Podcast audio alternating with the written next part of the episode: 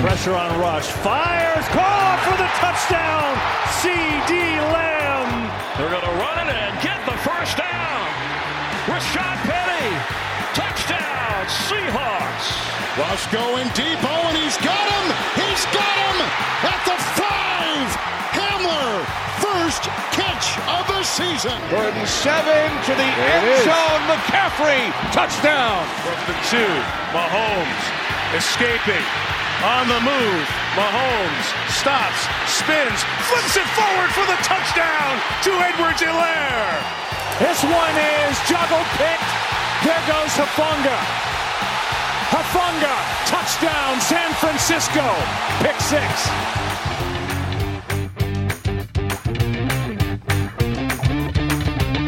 En dit is NFL op woensdag, jouw Nederlandstalige podcast over de NFL, de National Football League. NFL op woensdag is een podcast van KVM Media, een Gronings podcastconglomeraat.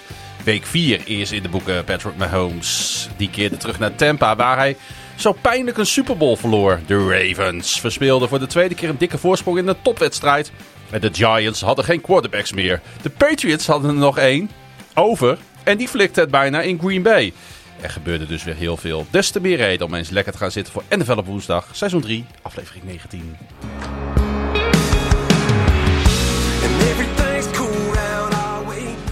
Gefeliciteerd Pieter, Dankjewel. want eh, Jij ook. hij is jarig vandaag. Hij is jarig vandaag. Onze Zack Miller, mogen we wel zeggen. Ja, is toch ook een soort vriend van de show, hè? Ja, deze kennen natuurlijk heel veel mensen. Ja. Maar eh, ik heb begrepen dat hij ter ere van zijn verjaardag ook een eh, nieuwe single heeft uitgebracht. Hè? Nou, eigenlijk is die al eh, twee weken geleden volgens mij uitgekomen. Wil je Mhm. horen? Nou, doe maar. Ik zal eens even kijken. Het zal vast niet... Nee, het zal vast niet heel best zijn, wou ik zeggen. het is het nooit. ah, is wel vrolijk, toch?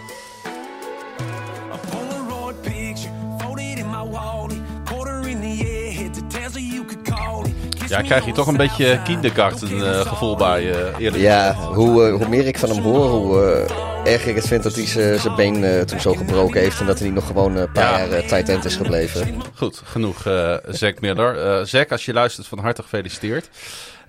Pieter, Hey, als hij in Groningen komt, gaan we wel heen. dan halen wij gewoon een kaartje. Dan zijn we er gewoon bij. Dan zijn we er wel bij. Of Am- Amsterdam wil ik ook nog wel heen rijden. NFL op woensdag uitje. Ja, Gaan we spandoeken en zo. Gaan we gewoon met iedereen heen. eh, Ja, met de hele community. Koop allemaal een Zack Miller shirt van de, van de Bears of van de Jaguars. Ja. Hey Pieter, eh, jij bent er weer. Ik ben er weer, ja. Heel erg fijn eh, om jou weer in levende lijven hier in de studio van KVM Media te zien op het zolderkamertje. Ja, het is goed weer terug te zijn. Ja, Frank heeft het twee keer van jou overgenomen de afgelopen twee weken. Omdat jij eh, ja, te, te maken had met, zoals wij dat dan noemden. En zoals je dat dan officieel bekend maakt, trieste familieomstandigheden. Ja. Eh, vier keer zelfs heeft hij het overgenomen. Ook twee voorspellingspodcasts. Dus daar wil, ik, eh, daar wil ik Frankie nog even eh, heel erg voor bedanken dat hij dat voor mij heeft willen doen. En ja, nou ja, goed. de mensen die mij op de social media, dat is in mijn geval eigenlijk alleen maar Twitter volgen, die hebben het misschien ook wel gezien. Maar ja, mijn vader die is na een heel kort ziekbed is die overleden. En die hebben we afgelopen vrijdag, hadden we daar de, de crematiedienst van. En eh, nou ja, dat is dus eigenlijk waar ik de afgelopen weken eh, veel mee bezig was. En daarom was ik ook niet eh, bij de opnames van NFL op woensdag. Nee, jouw vader die woonde in Amsterdam. Ja, En jij woont natuurlijk in het mooie Groningen. dat klopt ook. Dus daar zat ook nog een behoorlijke afstand tussen. En ehm, de uitvaart was eh, op de plek waar eh, ja, jouw vader eigenlijk vandaan komt. In Drenthe, ja, dat klopt. Zijn playground, zoals de uitvaartondernemer dat eh, met een mo- mooi modern woord. Ik dacht, ik, hoop, ik weet niet of iedereen snapt wat hij hiermee bedoelt. Maar ik vond het wel mooi gevonden. Hogeveen inderdaad. Eh, ja, eh, het is natuurlijk nog nooit. eh, het is natuurlijk niet helemaal afgerond. Er zal nog wel het een en ander achterweg komen. Nee, er zitten nog heel veel logistieke Ja. en administratieve dingen. Maar Maar goed, dit gedeelte is achter de rug. Heb je Ja. er een beetje goed gevoel over?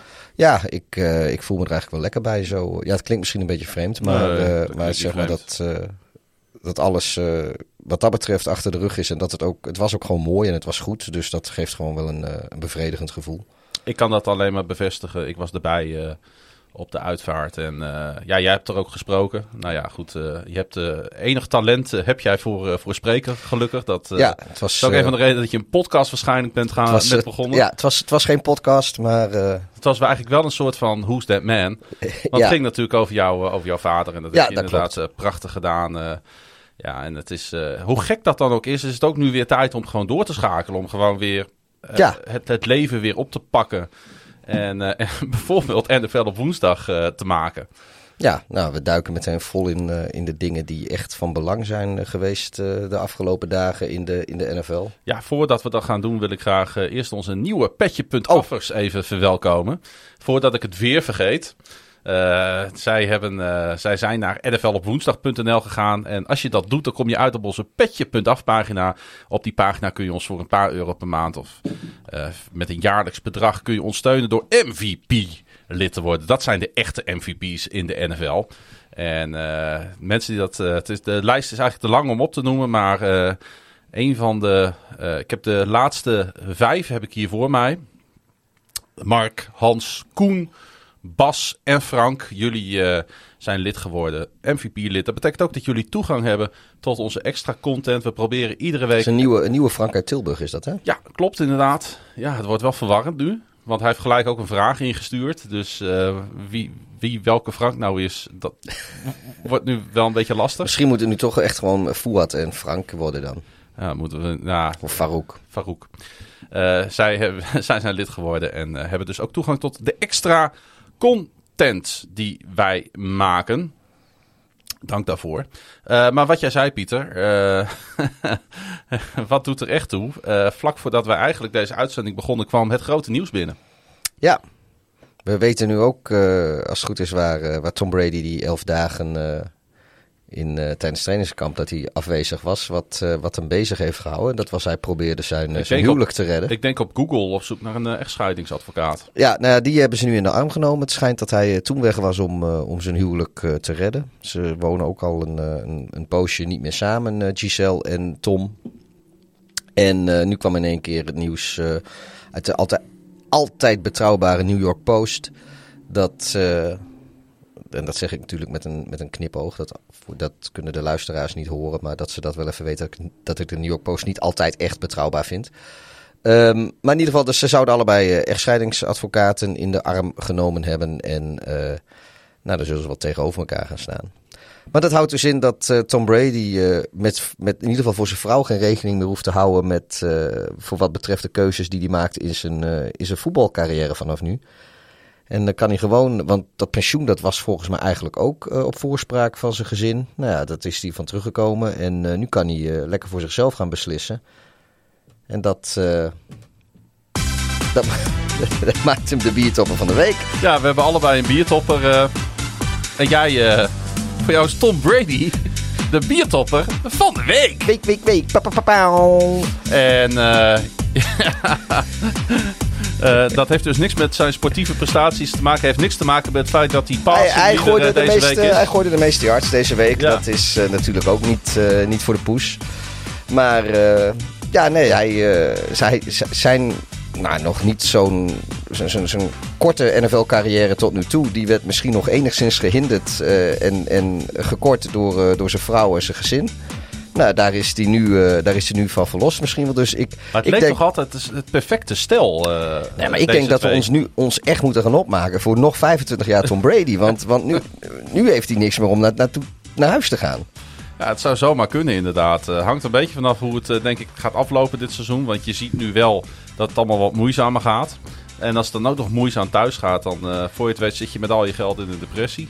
Nou ja, maar volgens mij is zijn, vrouw is de grootverdiener toch? Dus ik neem aan dat, eh, dat, dat hij ook wel recht heeft op wat alimentatie dan.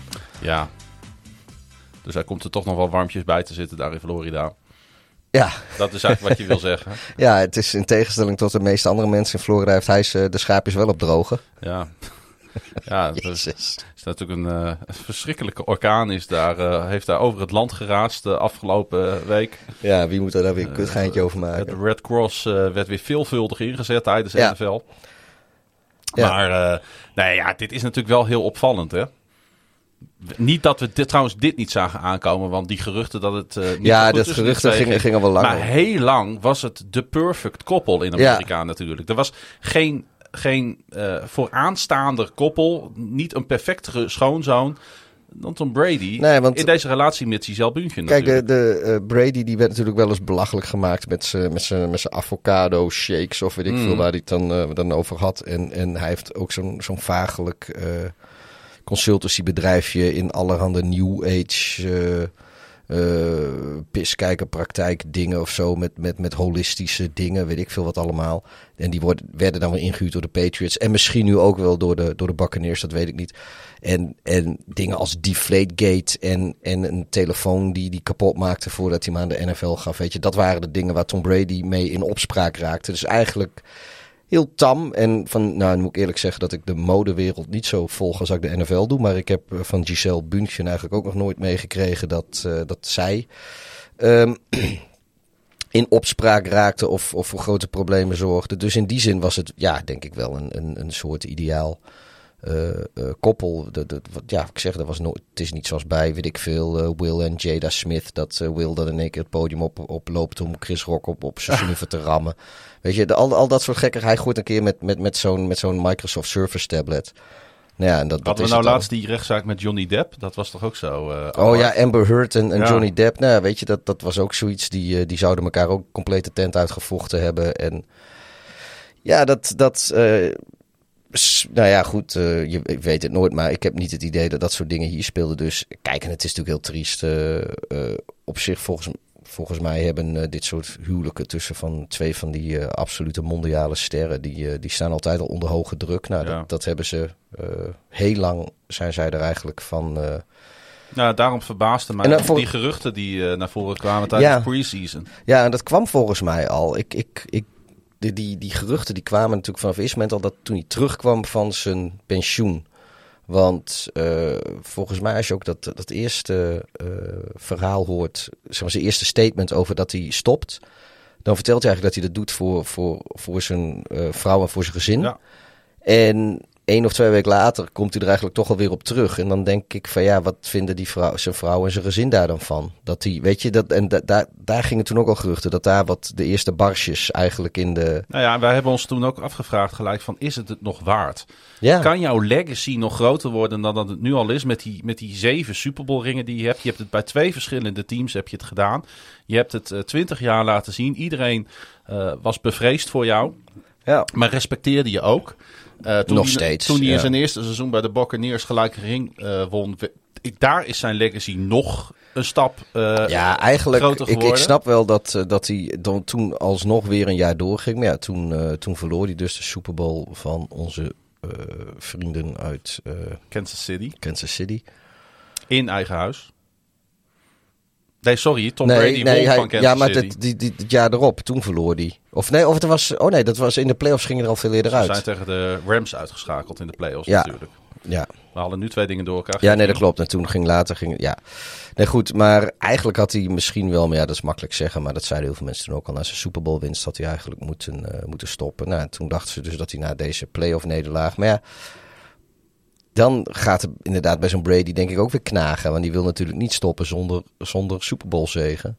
Als ik dan andere grootheden als eh, Eli en Peter Manning op dit moment eh, het leven zie vieren. Met af en toe hier en daar een partijtje golf. Met een eh, leuk optreden op televisie voor heel veel geld. Ja. Als ik zie hoe Drew Brees het nu bij de, bij de televisie doet, eh, bijvoorbeeld. eh, Ja, als ik snap het- ik snap of, het ook of, niet, Of coaches die stoppen als, als een Sean Payton. En die zie ik dan relaxed in zo'n stoeltje zitten. En, eh, voor heel veel geld hun kunde Op, ja, op, Met beetje op de en, en wat tegenwoordig best normaal geworden is, eh, dat, dat is natuurlijk dankzij COVID, is dat ze gewoon met, eh, met Teams of, of Jitsi Meet of, of FaceTime of zoiets, eh, melden ze zich gewoon bij zo'n bij zo'n sportprogramma. Vroeger moest je nog helemaal ingevlogen worden en weet ik veel wat. En dan was je natuurlijk weer een, een, een, zo twee dagen kwijt van je, van je enorm drukke schema van vissen en golfen en, eh, Mm. en dat soort dingen. Je memoires schrijven, weet ik veel wat ze Maar hij doen. kan dus schijnbaar gewoon niet stoppen. Hij is zo verslaafd aan de game. Ja, of, of het gaat al zoveel langer slecht tussen, tussen, tussen Brady en Giselle Bündchen... dat, dat hij gewoon de, niet zichzelf eh ertoe kan zetten om meer thuis te zijn. Nou, dat, dat denk ik. Dus, dus dan zou het een vlucht zijn. Ja, nou ja, goed, dat... eh, Dat zou nee, wel dat heel denk ik, zijn. dat, dat, dat denk ik niet hoor. Maar ehm, ja, ik, ik, hij heeft niks meer te bewijzen. En ehm, Nee. dat, dat heeft hij al jaren niet meer. Dat had hij eigenlijk ook al niet toen hij alsnog naar Tampa Bay ging. Maar toen hij daar ook nog even een, een, een, een, een Super Bowl eh, heeft gehaald en heeft gewonnen. Ja, joh, weet je. Dat, dat- Maar goed, ehm, kijk, als zijn, zijn absolute drang om te winnen, als dat eh, de reden zou zijn dat, eh, dat ze uit elkaar gaan, ja, dan is dat natuurlijk wel, best wel triest ook voor zijn kinderen. Ja, die wou ik eigenlijk ook nog wel even noemen inderdaad. Want voor, want voor dat, is eh, het natuurlijk al. Kijk, Tom en Giselle zijn allebei volwassen mensen. En Ja. die maken deze beslissing. En die kinderen die. eh, aan de andere kant met twee zulke rijke ouders, joh. Dat, eh, dan maakt het ook niet uit waar je bent. Want ze, ze gaan een. Je krijgt dubbel cadeaus. En dat zijn vast geen, eh, geen kleine cadeaus. Maar. Nee, zonder, zonder gekheid. Het is, het is voor kinderen natuurlijk nooit, nooit leuk als ouders gaan scheiden. En eh, dat zal voor de kinderen van eh, Tom Brady en Giselle Bündchen niet heel veel anders zijn. Goed, genoeg eh, roddelpraat. Eh, ja, dit was, even- eh, wat, dit, dit was de afdeling van roddelnieuws.blogspot.angelfire.nl. Ik heb er nog een paar vraagjes uitgepikt van weer een bak aan engagement wat we binnen hebben gekregen via onder andere Twitter, eh, Facebook en Instagram. Eh, en ik wou even beginnen met eh, de vraag van Frank. Wat heb je het meest gemist tijdens de afwezigheid van Darf laagstreepje Hideous, met dubbel A, dubbel S, Dus een dubbel vraag aan jou over mij. Ja, En is dat dan van, van Frank of van Farouk? van Farouk. Oké. En ik moet je zeggen dat ehm, ehm, ik, ik vond het echt heel erg, eh, heel erg fijn met Frank. Want eh, de, de kennis die zeg maar, Frank ook heeft opgebouwd over de NFL in de loop der jaren is, eh, is groot. En ook zijn liefde voor de sport eh, klinkt eigenlijk in zo'n hele aflevering door. Eh, maar het was natuurlijk wel op afstand. Je voelde een afstand. Nou ja, ik zit in Groningen en Frank in Tilburg.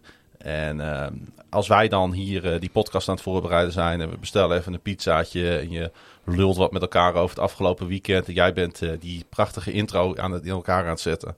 Dat is uiteindelijk wel het allerleukste natuurlijk, om het echt samen te maken, zo'n podcast. ja, nee, dat is, dat is, dat is waar. En dat is natuurlijk eh, die afstand eh, die, er, die er dan is, eh, geografisch gezien dan.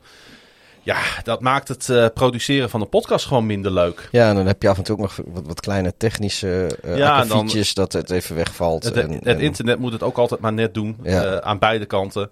En, en, en inderdaad, kwalitatief wil je ook een goed product neerzetten natuurlijk. En eh, het is fantastisch dat die... Dat, maar dit is waarom wij dit zijn gaan doen. Omdat wij bij elkaar om de hoek wonen. Omdat we allebei de liefde voor deze sport delen. En omdat wij eh, ja, op zich vonden dat wij wel wat toe te voegen hadden aan het eh, NFL-landschap in Nederland. Amen. Dus dat heb ik het, het meest gemist. Ondanks wat Frank dan even zo op afstand neerzet. waar alle respect Ja, voor is. heel- En Heel knap hoor. dat is absoluut waar. Herman die vraagt: Het valt op dat er veel wedstrijden close blijven. Is de NFL dit jaar meer in balans en waarom? Dat vind ik op zich een goede vraag. Want er zijn best wel een aantal teams eh, waar wij van tevoren hadden gedacht dat het misschien wel helemaal niks zou worden. Die komen best wel eh, leuk bovendrijven. En er zijn een aantal teams waar wij hoge verwachtingen van hadden. En die ook in de, laten we het maar even zo zeggen, de 2-2 categorie vallen, Pieter. Want het zijn er nogal wat. Ja, nou ik denk dat het eh, ik, een beetje tweeledig is. Ik, ten eerste weet ik niet of het inderdaad ook zo close is als... eh, of closer is dan, ander, dan dat andere jaren het geval is. eh, in, nou ja, goed, we zijn nu in week vier, eh, of die hebben we eigenlijk net achter de rug. Ik, ik weet niet hoe het voorgaande jaren was in, in vier weken. Maar hadden wij Ehm, bijvoorbeeld verwacht dat, ik zal een voorbeeld geven, dat de NFC West, dat alle vier de teams die daarin spelen, na vier weken allemaal op 2-2 staan. De Rams, de, de 49ers en de Seahawks en de Cardinals. Die had ik niet zien aankomen. Nee, nee, dat is waar. Maar de, dat is dus het tweede wat ik toe wil. Ik denk dat de, de, de, de NFC is gewoon heel erg naar elkaar toegekropen. Je ziet dat ook gewoon met eh, eh, de, de, de slechtere teams in de NFC. Die maken het de, de, de betere of de betere achterteams gewoon eh, regelmatig heel erg moeilijk. Ehm, en die, die, die lopen dus niet zomaar bij elkaar weg. En, en af en toe zit er dan een upsetje in. En het is natuurlijk sowieso, ik, ik, volgens mij heb ik dat ook al eens vaker geroepen, dat het verschil tussen het slechtste team en het beste team in de NFL is niet zo groot als we vaak denken. Ook al zouden ze, als je het beste team, nou laten we zeggen dat dat de Chiefs eh, op dit moment zijn. Eh, of Eagles staan natuurlijk de enige die nog ongeslagen zijn, maar goed, die hebben een, eh, ook deels wel een relatief makkelijk programma gehad vergeleken met andere gedoodverfde favorieten voor, voor de eindstrijd. Maar ehm, ja, als, kijk, als, als die nu tegen, weet ik, kijk, als de Eagles nu tegen de Bears gaan spelen of zo, ik noem maar wat, dan wordt het gewoon een slagpartij, denk ik. Dat, eh, maar eh, aan de andere kant, ja, ook, ook zelfs dan moet je het gewoon weer, weer afwachten wat er gebeurt. Want ik bedoel, toen de, toen de Eagles tegen de Lions speelden, bleven de Lions ook gewoon eh, heel lang bleven ze gewoon meedoen. eh, en uiteindelijk eh, kwamen ze wel heel eind achter. Maar toen kwamen ze weer een heel eind terug, geloof ik. En dat gebeurde eigenlijk nu trouwens weer. Ja. Maar ehm, ja, ik, Maar je ziet dit soort comebacks natuurlijk wel veel dit jaar. Ik heb met verbazing bijvoorbeeld twee keer naar de uitwedstrijden van de Jets zitten te kijken. Die eerst in, in, in Cleveland eh, met Joe Flacco op een onnavolgbare wijze terugkomen. ja. En afgelopen weekend doen ze hetzelfde in een uitwedstrijd in Pittsburgh. De Jets hebben in 50 jaar tijd één keer in Pittsburgh gewonnen. En nou weet ik wel dat de Steelers eh, op een ander level zitten op dit moment dan heel veel andere jaren. Maar ik zie wel dingen die ik normaal... Ik heb de Falcons vorige week bij de LA Rams hadden hem kunnen pakken daar. ja. Nu, die zitten er dus zo dicht tegenaan dat ze dit weekend uh, Ja, wel maar gewonnen we hebben hebben. natuurlijk wel vaker. eh, eh, ja, nee, ik, ik, weet je, ik, ik denk gewoon. Maar wat jij zegt, dat klopt. Ik- het, het kruipt naar elkaar toe. In de NFC kruipt het naar elkaar toe. En in de Ja. AFC snoepen de betere teams wel overwinningen bij elkaar weg. Want er moet iemand winnen aan het Ja, maar nu hebben natuurlijk, de, vind, denk ik ook van de, de, de betere teams in de AFC. Die hebben ook allemaal. hadden die een vrij pittig programma de eerste vier weken. Ik bedoel, zoals de Bills, die moesten dan eh, meteen naar Baltimore. Maar die hebben. Nou, de Titans vielen wel mee. Maar ze hebben natuurlijk ook de Dolphins. Wat eh, uiteindelijk gewoon een geduchte tegenstander blijkt te zijn. Eh, de Ravens, die hebben natuurlijk en de Bills en de Dolphins gehad. Nou, dan krijgen die, die, die verloren ze dan toevallig ook allebei. Maar eh, kijk, die, die, die, die, die belachen, twee comebacks ook daar, daar- van, van die beide teams, daar word je raar van. Maar eh, zo. En, en de Dolphins zelf, die nu dus ook eigenlijk een beetje boven, boven zijn komen drijven, die hebben op hun beurt ook weer gewoon. Dus het, het heeft ook een beetje te maken, denk ik, met, met, met eh, hoe de schedules er nu uitzien. Maar twee jaar terug, was dus denk ik twee seizoenen terug, had je natuurlijk ook dat, dat bizarre seizoen dat de Cowboys in de eerste twee, drie weken twee enorme comebacks hadden, waarvan eentje tegen de Falcons, die we allemaal nog weten. Mm. En eh, ook de Bears hadden dat toen, maar die gingen volgens mij openingsweek, of was het vorig jaar dat dat, dat zo was. Maar in ieder geval, die hadden openingsweek, hadden ze die belachelijke eh, comeback eigenlijk tegen de Lions. Dat ze, die, dat, dat ze weet ik hoeveel touchdowns in de laatste 10 minuten scoorden. En een week later deden ze dat ook tegen de Falcons. Kwamen ze ook weer terug van heel ver. Dus toen had je ook wel eh, een paar teams. In, dat geval dan de, de, de eh, Cowboys en de Bears. Die zeg maar in de eerste vier weken twee enorme dikke comebacks hebben. Waarvan je niet verwacht dat het zou kunnen. Ja, en nu heb je eigenlijk de Dolphins hebben dat nu gedaan. De, weet je, je, je ziet het denk ik ieder, ieder seizoen wel. En, maar ieder seizoen hebben we zo, eh, Ja, en- zo lang geen NFL gezien. En alle teams zijn nu nog redelijk fit. Dus iedereen is ook op zijn best. Aan het einde van het seizoen dan zie je vaak net wat meer zeggen, slagpartijen. Een en sample dan, size van vier wedstrijden is natuurlijk Ja, relatief weinig. waar nog, waar hè? iedereen fit is. Waar nog niet zoveel tape is van de teams. Met nieuwe, sp- nieuwe spelers, nieuwe quarterbacks, nieuwe coaches, Ja. nieuwe schemes. Eh, en aan het eind van het seizoen dan komen de betere teams vaak weer wat bovendrijven. En dan, ehm, ja, dan, dan gaat het niet meer zo makkelijk. Ik, ik, ik, ik vind het schitterend. Ik ben echt, ik vind zoals de NFL dit seizoen loopt, eh, vind, ik- vind ik echt heel mooi. Maar ik durf niet te zeggen dat dit nou dit jaar Hmm. eh, nou zoveel, zoveel beter of spectaculairder is dan voorgaande jaren na, na vier weken. Ja, er zijn in ieder geval nog niet heel veel duidelijke favorieten. En de favorieten die we misschien hadden verwacht, die zijn wel een heel klein beetje aan het wankelen. Ja, dat is, eh, en dat is misschien wel iets wat, wat redelijk uniek is. Ja. Dat is, Ja, hoe, dat, de, dat hoe, de, hoe zeggen. de LA Rams tot nu toe voor de dag zijn gekomen over vier weken. Ja, Hoe, hoe de 49ers die dan weer verslagen hebben, maar vorige week een absolute draak van een wedstrijd hebben gespeeld. ja. Dat, dat het verschil tussen de weken kan, kan wel heel erg groot zijn. Buccaneers doen het ook. eh, Buccaneers doen dat ook inderdaad. Ja, ja. Ja. goed. Dus wat dat betreft eigenlijk maar één te- team die zich daar een beetje aan ontworstelt de laatste drie weken. Dat zijn de Dallas Cowboys. Maar daar gaan we het zo wel even over hebben. Ehm, heb jij een beetje de, de gebeurtenissen rond Tua gevolgd de laatste weken, ondanks jouw afwezigheid, eh, Pieter? Want eh Jur vraagt, eh, hoe kijk je daar een beetje op, op terug? Want er zijn vrij bizarre dingen natuurlijk gebeurd. Ja, nou ja, wat. sowieso onverantwoord. Ik. ehm, Maar moeten we dat dan wijten aan het team of de medici? Of moeten we dat wijten aan het protocol wat niet goed is? Of is het allebei? Eh, ik denk dat het een combinatie is van allebei. Want ik eh, geloof dus dat de, de, die, er is een onafhankelijke eh, controleur is er zeg maar bij. Nou, die is op non-actief gezet nu, geloof ik. Ja, dat is wel een teken aan de wand natuurlijk. De teamdokter, geloof ik, van de Dolphins, die, is ook, die wordt ook onderzocht. Eh, nou ja, Ah, het hele proces wordt eigenlijk het hele onderzocht. proces wordt onderzocht. Eh, Er wordt met uh, Tua gepraat op dit moment over wat heb jij ervaren, wat is er ja, gebeurd. nou ja, goed. eh, hij doet eh, komende week, komende week sowieso al niet mee, begrijp ik nu. Ja, het meest bizarre moment was natuurlijk dat hij opstond na die hit.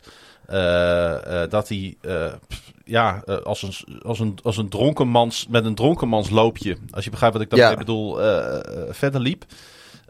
Zoals jij wel eens naar de bushalte loopt, een avondje proeflokaal, weet je. Dan zit ik dan nog op het terras en dan zie ik jou een beetje aan de horizon van het gedempte Zuiderdiep verdwijnen. maar ja. zo'n zo'n zo'n zo'n stiefeltje had hij een Zo'n beetje. stiefeltje, ja. En, en, ehm, ehm, eh, en uiteindelijk kwam naar voren na de wedstrijd dat hij alleen onderzocht is op een rugblessure. Ja, expres waarschijnlijk. Ja. En dat, dat is de En daar is het natuurlijk ja, misgegaan. Ja, maar dat is, dat is eh, Terwijl hij heel duidelijk natuurlijk op zijn achterhoofd in zijn nek klapte. Ja, joh, het is. Ik, ik, ik snap ook gewoon daadwerkelijk niet waar, hoe, de- hoe de Dolphins dit hebben kunnen doen. En ook stel dat het te goede trouw misgegaan is in week eh, drie.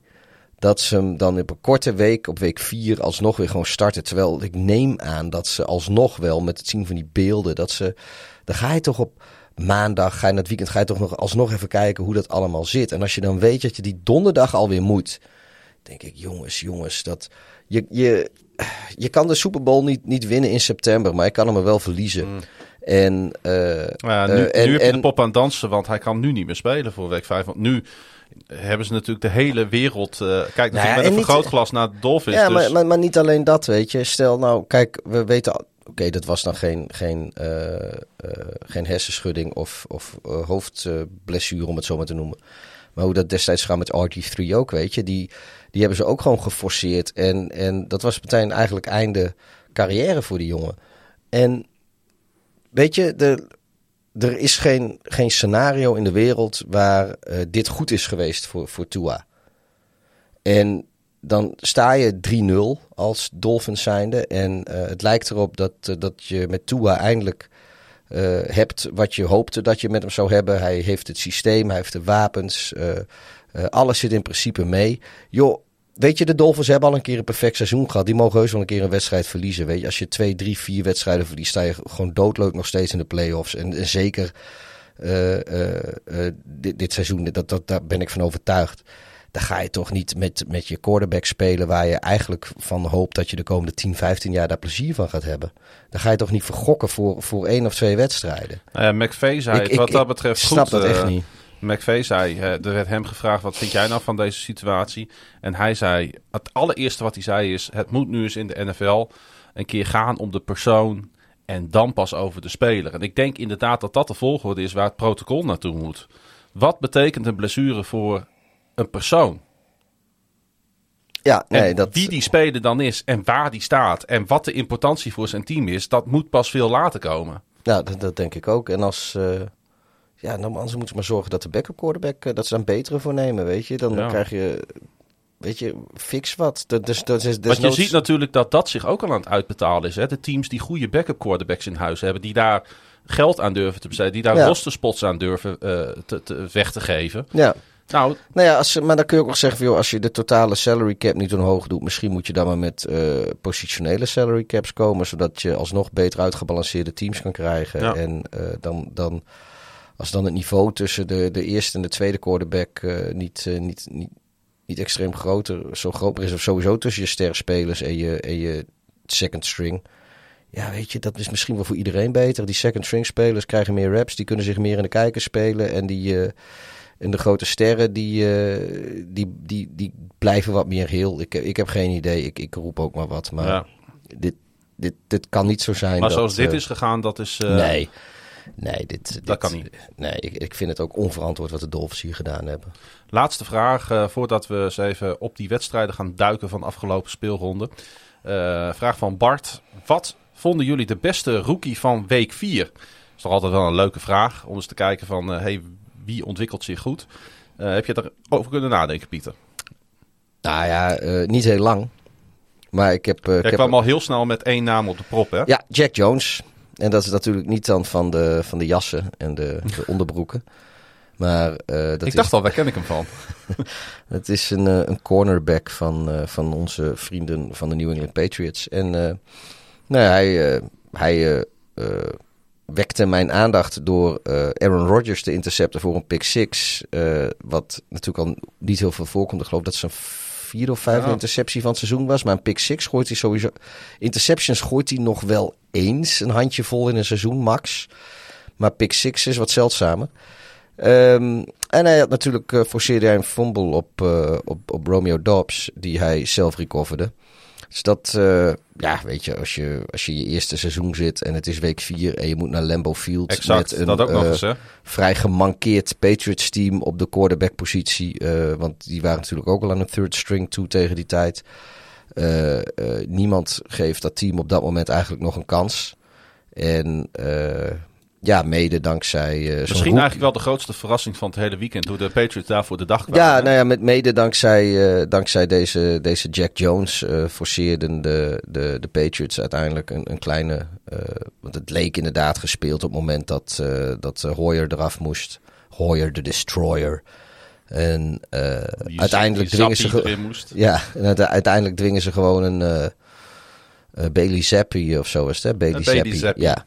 En uiteindelijk dwingen ze gewoon een verlenging af. En eh, eh, die ze dan uiteindelijk toch verliezen. Want dan komt natuurlijk eh, Ja, de grootsheid maar- van Aaron Rodgers. is ook, Maar ook, ook dat was niet nodig geweest. Nee, dat had, ze hadden het ook gewoon kunnen winnen. ja, Ehm, maar goed, al met al denk ik dat, dat voor een rookie cornerback tegenover Aaron Rodgers... dat hij eh, dat uitstekend gedaan heeft. eh, vijf Ja, catches nou, toegestaan. goede pick. Ik, ehm, ik zou natuurlijk hier weer voor die Lions linebacker Malcolm Rodriguez kunnen gaan. Eh, de mensen die, hoe heet het ook alweer, Hard Knocks gevolgd hebben, die hebben hem waarschijnlijk daar ook veelvuldig gezien. Ik heb hem al een keer eerder genoemd, maar ik ga hem gewoon weer noemen omdat hij waanzinnig blijft spelen. Maar ik ga toch voor iemand anders, namelijk offensive tackle Jamare Sawyer van de LA Chargers. Want eh, zijn eh, eh, one-on-ones, zeg maar, in pass protection, die waren geweldig. Ehm, hij stond geen enkele pressure toe op 41 snaps. En zijn 90.4 pass blocking grade was de hoogste van alle offensive linemen in week 4. En dat voor een fill-in left tackle. Ja, dat is eigenlijk een. Nou ja, niet, niet helemaal hetzelfde verhaal. Maar ook, ook hij eh, eh, ja, komt eigenlijk uit het niets. eh, in de, ook logisch, want het is week 4. Maar goed, hij komt erin omdat er iemand anders Ja. geblesseerd raakt. Je vanaf, bent een rookie. ja, vanaf de bank. En ja, en het laat gewoon zien, eigenlijk van meet af aan doe je net alsof je al, eh, al jarenlang in de NFL Ja, speelt. weet je, en, en, en de- ze zegt dan altijd next man up. Nou, dat geldt dus niet altijd, want zo simpel werkt het niet in de NFL. Maar hij laat zien dat dat dus wel kan. En, eh, en de Chargers hadden het nodig ook, want die hebben natuurlijk ook een, eh, wat dat betreft een rough start dit seizoen. Dus dan is het fijn dat dit gebeurt. Ik heb eh, nog wel een paar eh, rookies die ook een eervolle vermelding verdienen. Ik vind Chris Olavi eh, nog steeds een revelatie dit jaar. Hij stond maar 25 plays, als ik mij niet vergis, op het veld in Londen. Maar ving toch weer vier ballen en staat nu achtste in de NFL in receiving yards. Dus tussen al die receivers vestigt hij zich nu al in de top 10. Dat vind ik echt heel knap. En ik, zat, ik heb natuurlijk veel Bills Ravens gekeken. En ik zag bij de Bills zag ik Prince Emily. We hebben prinses Emily, toch? Ja, ik vond dit wel heel grappig. eh, Emily? Emily? Oh nee, Amalia. Amalia, ja. ik ben ook niet zo'n koningshuiskenner. Prince, eh, Prince Heeft ze Emily. nog geen zusje? Oh nee, want je hebt nog Ariane en... God, dit... Emily? dat- Jij hebt toch wel... Dat is toch wel Emily? is toch een prinses Emily ergens? Nee. Ja, maar misschien in het buitenland. Geen idee.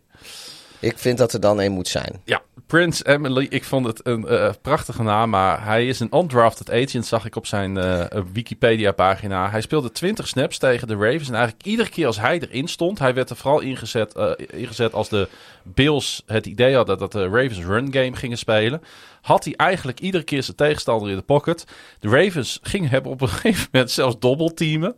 Dus een undrafted rookie free agent. Vind ik echt heel erg, uh, heel erg grappig om dat te zien. En ook daar speelde hij zich onderuit. Dus als je nou Bills fan bent of, of een liefhebber van, van line game, van de line game. Let eens even op hem. Uh, op de voormalige pen defensive lineman. En tot slot, ja, running back uh, Damian Pierce van de Tex Texans. Ik, als ik me niet vergis, hebben wij hem ook al getipt in onze voorbeschouwingspodcast. Ik bedoel in onze preview show. Uh, die gaan we straks ook nog even benoemen. Hij, uh, de running back hè, van de Texans, staat nu negende in de NFL in rushing yards met 314 in uh, vier wedstrijden.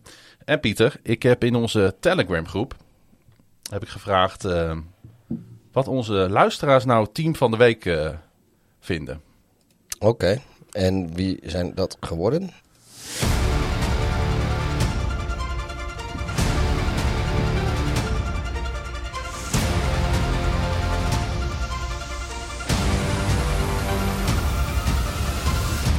De Kansas City Chiefs.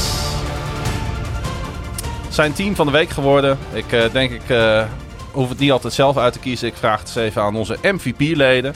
En uh, zij kozen met meer dan 40% voor Kansas City. Want ja, Patrick Mahomes die keerde terug naar het stadion. We hadden het net al even door elkaar.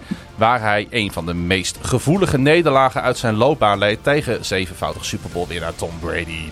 Vier dagen nadat Hurricane Ian, of Ian, hele delen van Florida vernielde, verwoestte Patrick Mahomes en de veelzijdige aanval van de Chiefs de Buccaneers defense in een uitverkocht Raymond James Stadium. De Bucks liepen de hele wedstrijd achter de feiten aan toen rookie Rashad White de opening kick-off en twee plays later had Kelce de bal alweer te pakken voor zes punten. De Chiefs bouwden daarna rustig door met een geweldige aanval. Eigenlijk zat het er nooit echt in voor de twee twee Buccaneers en Tom Brady.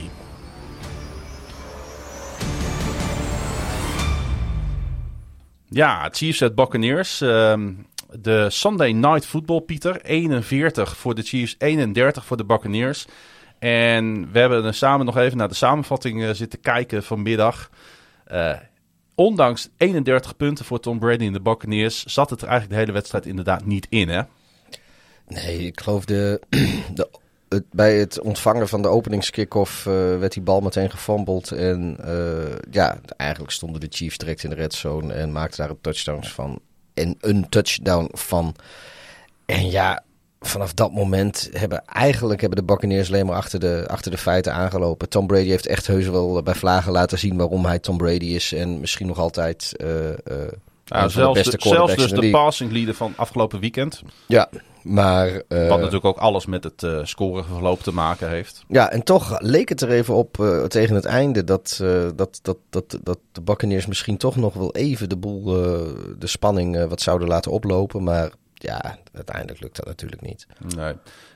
ik vond de Chiefs als, als, weer eens als team spelen vooral. Um, Chiefs cornerback LeJarius Sneed sekte Brady met een fumble tot gevolg. Waarop die uh, eh, 28-10 voorsprong ontstond. En toen was het eigenlijk al helemaal uh, afgelopen. Um, en uh, Marciano, een van onze volgers op Instagram... die had ook als reactie op de vraag waar we het over moesten hebben... over LeDarius Sneed. Dus dat komt goed uit. Hij zegt, wat een seizoen tot nu toe. Kan de defense van de Chiefs voor het eerst sinds jaren ook een wedstrijd beslissen dit seizoen? Ja, ik, ik denk niet dat dat het geval is hè, bij, bij de Chiefs. Het is echt wel allebei. Nou, kijk, uh, de defense hier heeft het eigenlijk wel dus in het slot gegooid. Dat klopt. Kijk, uh, uh, beslissen, dan doe je denk ik Patrick Mahomes een beetje tekort.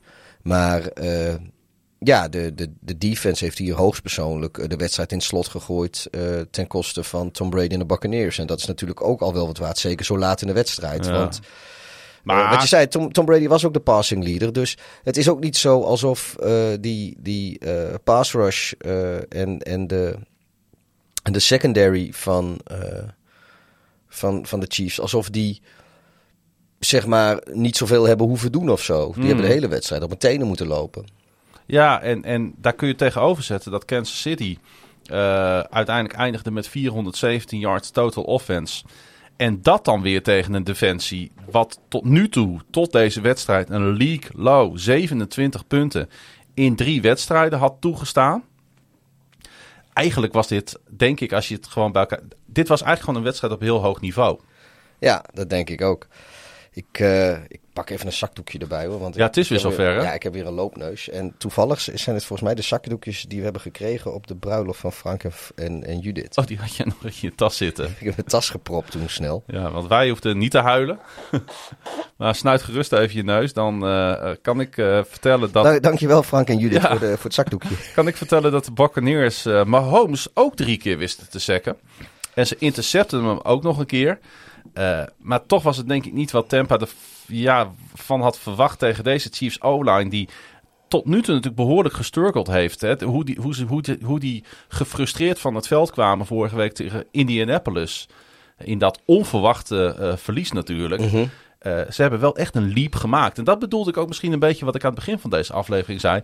Er zit nog niet echt heel veel consisti consistiteit, noem je dat? Consistentie. Consistentie Consistentie. in dit NFL-seizoen. Eh, En daarom gaan onze voorspellingspodcasts ook zo slecht. Het is gewoon niet te voorspellen. jawel. Ja, oké, ik kan wel iedere keer gaan zeggen dat Atlanta Falcons winnen. En dan loop je vanzelf een keer tegen een overwinning aan. Nee, maar het is... eh, ja, het is, het is wel leuk. Het is wel leuk, dat klopt. hey, en dan is Falcons en Buccaneers, over de Atlanta Falcons gesproken. En natuurlijk opeens wel een interessant affiche natuurlijk volgende week hè, Ja. in, die, eh, in die NFC South. Waar eh, deze twee, twee en twee teams tegen elkaar gaan spelen. Gaan- Gaan de Falcons, even heel kort hierop vooruitlopen, gaan de Falcons enige kans maken? Het zou kunnen, hè? Nou, nee, want eh, Oh. onze grote vriend eh Cordero Patterson zal helaas er niet bij kunnen zijn. En Nee, dat, is toch eigenlijk is hij zijn eentje, denk ik, al 40 tot 50 procent van de, van de Atlanta offense.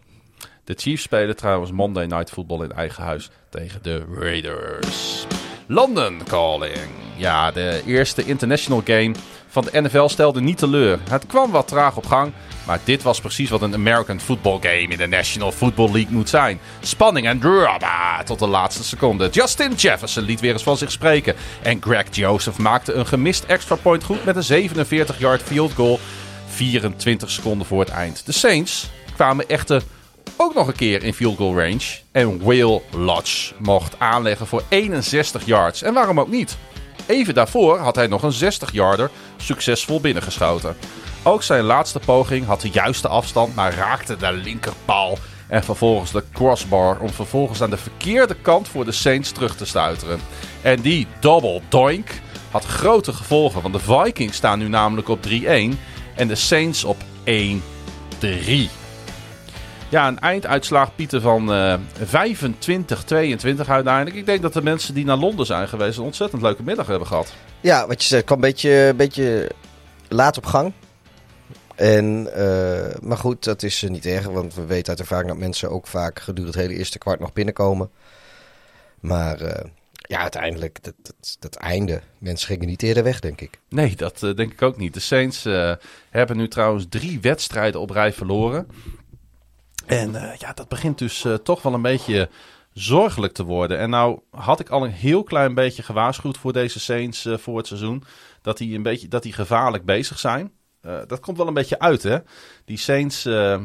terwijl jij nog maar eens een keertje. Ja, zo kunnen we natuurlijk geen podcast maken, Pieter. Ja, joh. Ik, ik heb ook de halve tijd gevoel of ik ieder moment kan niezen. Saints gaan niet lekker.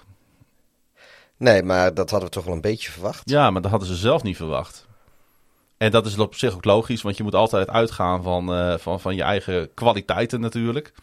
En natuurlijk altijd hoop hebben op een goede uitslag. Maar ja, eh, als je dan deze wedstrijd op deze manier verliest, dan is dat natuurlijk wel extra pijnlijk. Ja, maar dit is wel wat we zo mooi noemen een nederlaag met perspectief. Want eh, de, de Vikings zijn denk ik, zeker als het niet in primetime is, zijn dat een, is dat een tegenstander die, die prima gevaarlijk eh, is. Die, eh, die het ieder team in de NFL, eh, zeker in ieder team in de NFC, gewoon heel erg lastig kan maken. Ja. En ja, eigenlijk heb je gewoon de overwinning heel lang toch ook gewoon in eigen handen gehad. Het is niet zo dat, ze- dat ze hier weggespeeld zijn of dat de uitslag geflatteerd is omdat de Vikings nou zo verschrikkelijk veel beter waren. Eh, ik denk wel dat er een fase was waarin de Vikings eh, misschien wat meer hadden kunnen uitlopen. En dat hebben ze verzuimd. Maar dat had ook te maken met dat, eh, dat ze bij de Saints gewoon prima stonden te verdedigen. Ze hadden wel een klein beetje natuurlijk de, de zebra's tegen. Twee absurde beslissingen in deze wedstrijd. Menne die zegt dat ook. Is het daardoor een onterechte win voor de Vikings? Nou, ik- Onterecht wil ik het niet noemen, maar ik heb volgens mij, ze- dat kunnen de MVP-leden kunnen dat beamen. Ik heb dat tijdens de wedstrijd, heb ik daar in onze eh telegramgroep ook al nodig over gezegd. en dan denk ik dat het ging natuurlijk om die eh, vermeende face mask, mask van Adam Thielen. Ja, En, en, daarvoor ook natuurlijk die call op, eh, op Matthew. Ja, en, en eh, ik geloof dat er een holding call tegen de Saints was op het einde, die wel gecalld werd. En daarna kregen ze een, een veel blatantere holding niet mee, of andersom. Eh, ja, er zat wat discrepantie in. En, en helaas zien we dat de laatste jaren best wel veel eh, in de NFL. Nou, het is maar eerlijk gezegd deze speelronde voor het eerst eigenlijk weer opgevallen. Dat, dat, dat, het, eh, dat het weer begon met het blunderen van het scheidsrechterskorps. Eh, ja, nou, ik vond heb... het eerste drie weken nog wel meevallen. Nou ja, ik heb natuurlijk eh, week twee heb ik, eh, ga ik lekker weer kalimeren. Heb ik natuurlijk Bears at Packers zitten kijken. En daar zat er gewoon ook een partij bizarre beslissingen in. vijf keer offside op rij. Ja. of full start op rij, wat, wat gewoon mag. Nou ja, goed. Maar dus, dus daar was ik ook al een beetje gepikeerd. Maar goed, dit, ja, weet je, dit, dit soort dingen ook. Ik, ik vind het zo jammer, want uiteindelijk heeft dat gewoon zulke, zulke grote eh, gevolgen. Maar Ja, want dit had, dit had echt grote gevolgen, deze calls. ja, Dit had touchdowns tot gevolg. Nou is dat natuurlijk wel vaak zo in deze sport. Maar het was Ja. hier wel heel duidelijk inderdaad. Eh, Jefferson die was weer eens een ware plaaggeest eh, natuurlijk voor het team hier van headcoach Dennis Allen. Hij ving 10 ballen voor 147 yards. Terwijl hij in de voorbije twee wedstrijden bij elkaar slechts 9 receptions had voor 62 yards. Het blijkt dus maar weer dat je hem eigenlijk niet kan verdedigen met eh, single coverage. Zelfs niet wanneer die single coverage Lattimore heet. Die het ontzettend lastig had met, met Jefferson. Eh, moet wel gezegd worden, de Saints speelden natuurlijk zonder een aantal sleutelspelers, Pieter. Zoals quarterback James Winston die speelde, running back Alvin Kamara die weer eens niet fit genoeg was. Dat is, blijkt ook op en afgaan met die Kamara. Ehm, en eh, het was dan ook backup quarterback Andy Dalton. Die zijn team eh, bij 16-7 achter na twee scoring drives leidde voor een eh, 22-19 voorsprong. En daar doelde jij net al op. De Saints hebben het wat dat betreft daarna weer een beetje uit handen gegeven. ja. Minnesota komen wat dat betreft graag in Engeland. Want ze zijn nu 3-0 in London Games. Drie zegens in drie verschillende stadions. In 2013 versloegen ze de Steelers op Wembley. En vier jaar later waren de Browns aan de beurt op Twickenham. Volgens mij was dat... Twickenham, dat is dat eh, is een eh, stadion. rugbystadion in Oost-Londen is Ja. dat. Of sorry, West, eh, West-Londen. En ehm, Vikings at Saints was de vijfde NFL-wedstrijd in het stadion van Tottenham. Dat in 2019 werd geopend voor meer dan 1 miljard euro. Daar zijn we geweest, dat stadion. Weet je trouwens dat eh, de Vikings, die hebben in ieder geval nog één keer vaker in Europa gespeeld. Dat was geen officiële wedstrijd, dat was een, eh, een Demonstratie een game, demonstratie of een pre-season friendly. Die hebben ze ook gewonnen. Dat was in Jetteburg of zo, geloof ik. In ieder geval ergens in Zweden, eh, hè? in Zweden. Ja. En volgens mij hebben ze toen van de Bears gewonnen. Ah. Was, Ja, jij, niet, was jij niet bij? Was ik niet bij. Nee. De Vikings, over de Bears gesproken, die hosten zondag NFC North rivaal Chicago Bears. En de Saints hosten de Seattle Seahawks in nu dus een echte thuiswedstrijd voor New Orleans. De wedstrijd van de gemiste kansen. En dat is niet voor het eerst dit seizoen. Eh, we hadden 4-0 moeten staan, zeiden zelfs enkele spelers na het verlies in Atlanta. Maar in de NFL liggen winst en verlies dicht bij elkaar. En dat is vooral in Cleveland pijnlijk duidelijk geworden. Want na het tussen aanhalingstekens makkelijke deel van hun schema staan de Browns slechts 2-2. En dat is misschien ook wel wat ze zijn. Een gemiddeld team, zeker wanneer je quarterback dat ook is. En Miles Garrett en Davian Clowney niet spelen. De Falcons vochten weer voor alles wat ze waard waren. En het betaalde zich uit. Zij staan nu ook 2-2. Maar dat zal in Georgia heel anders voelen dan in Ohio. Dat zijn dan typisch van die eh, records die, eh, die overal een... eh, ja, volgens mij is jouw microfoonarm een beetje lam. Dat klopt, ja. Maar ik draai hem weg zodat ik er even aan mijn neus kan pielen zonder dat de luisteraars dat meteen allemaal horen. Er wordt wel een beetje een rode draad van deze aflevering, hè? Dat is altijd bij ons, een van ons is verkouden. Ja, wat is er aan de hand met de Cleveland Browns? Want er lukte niet zo heel erg veel. Ook niet aan de kant van de bal waar je juist wel verwacht, namelijk de defense.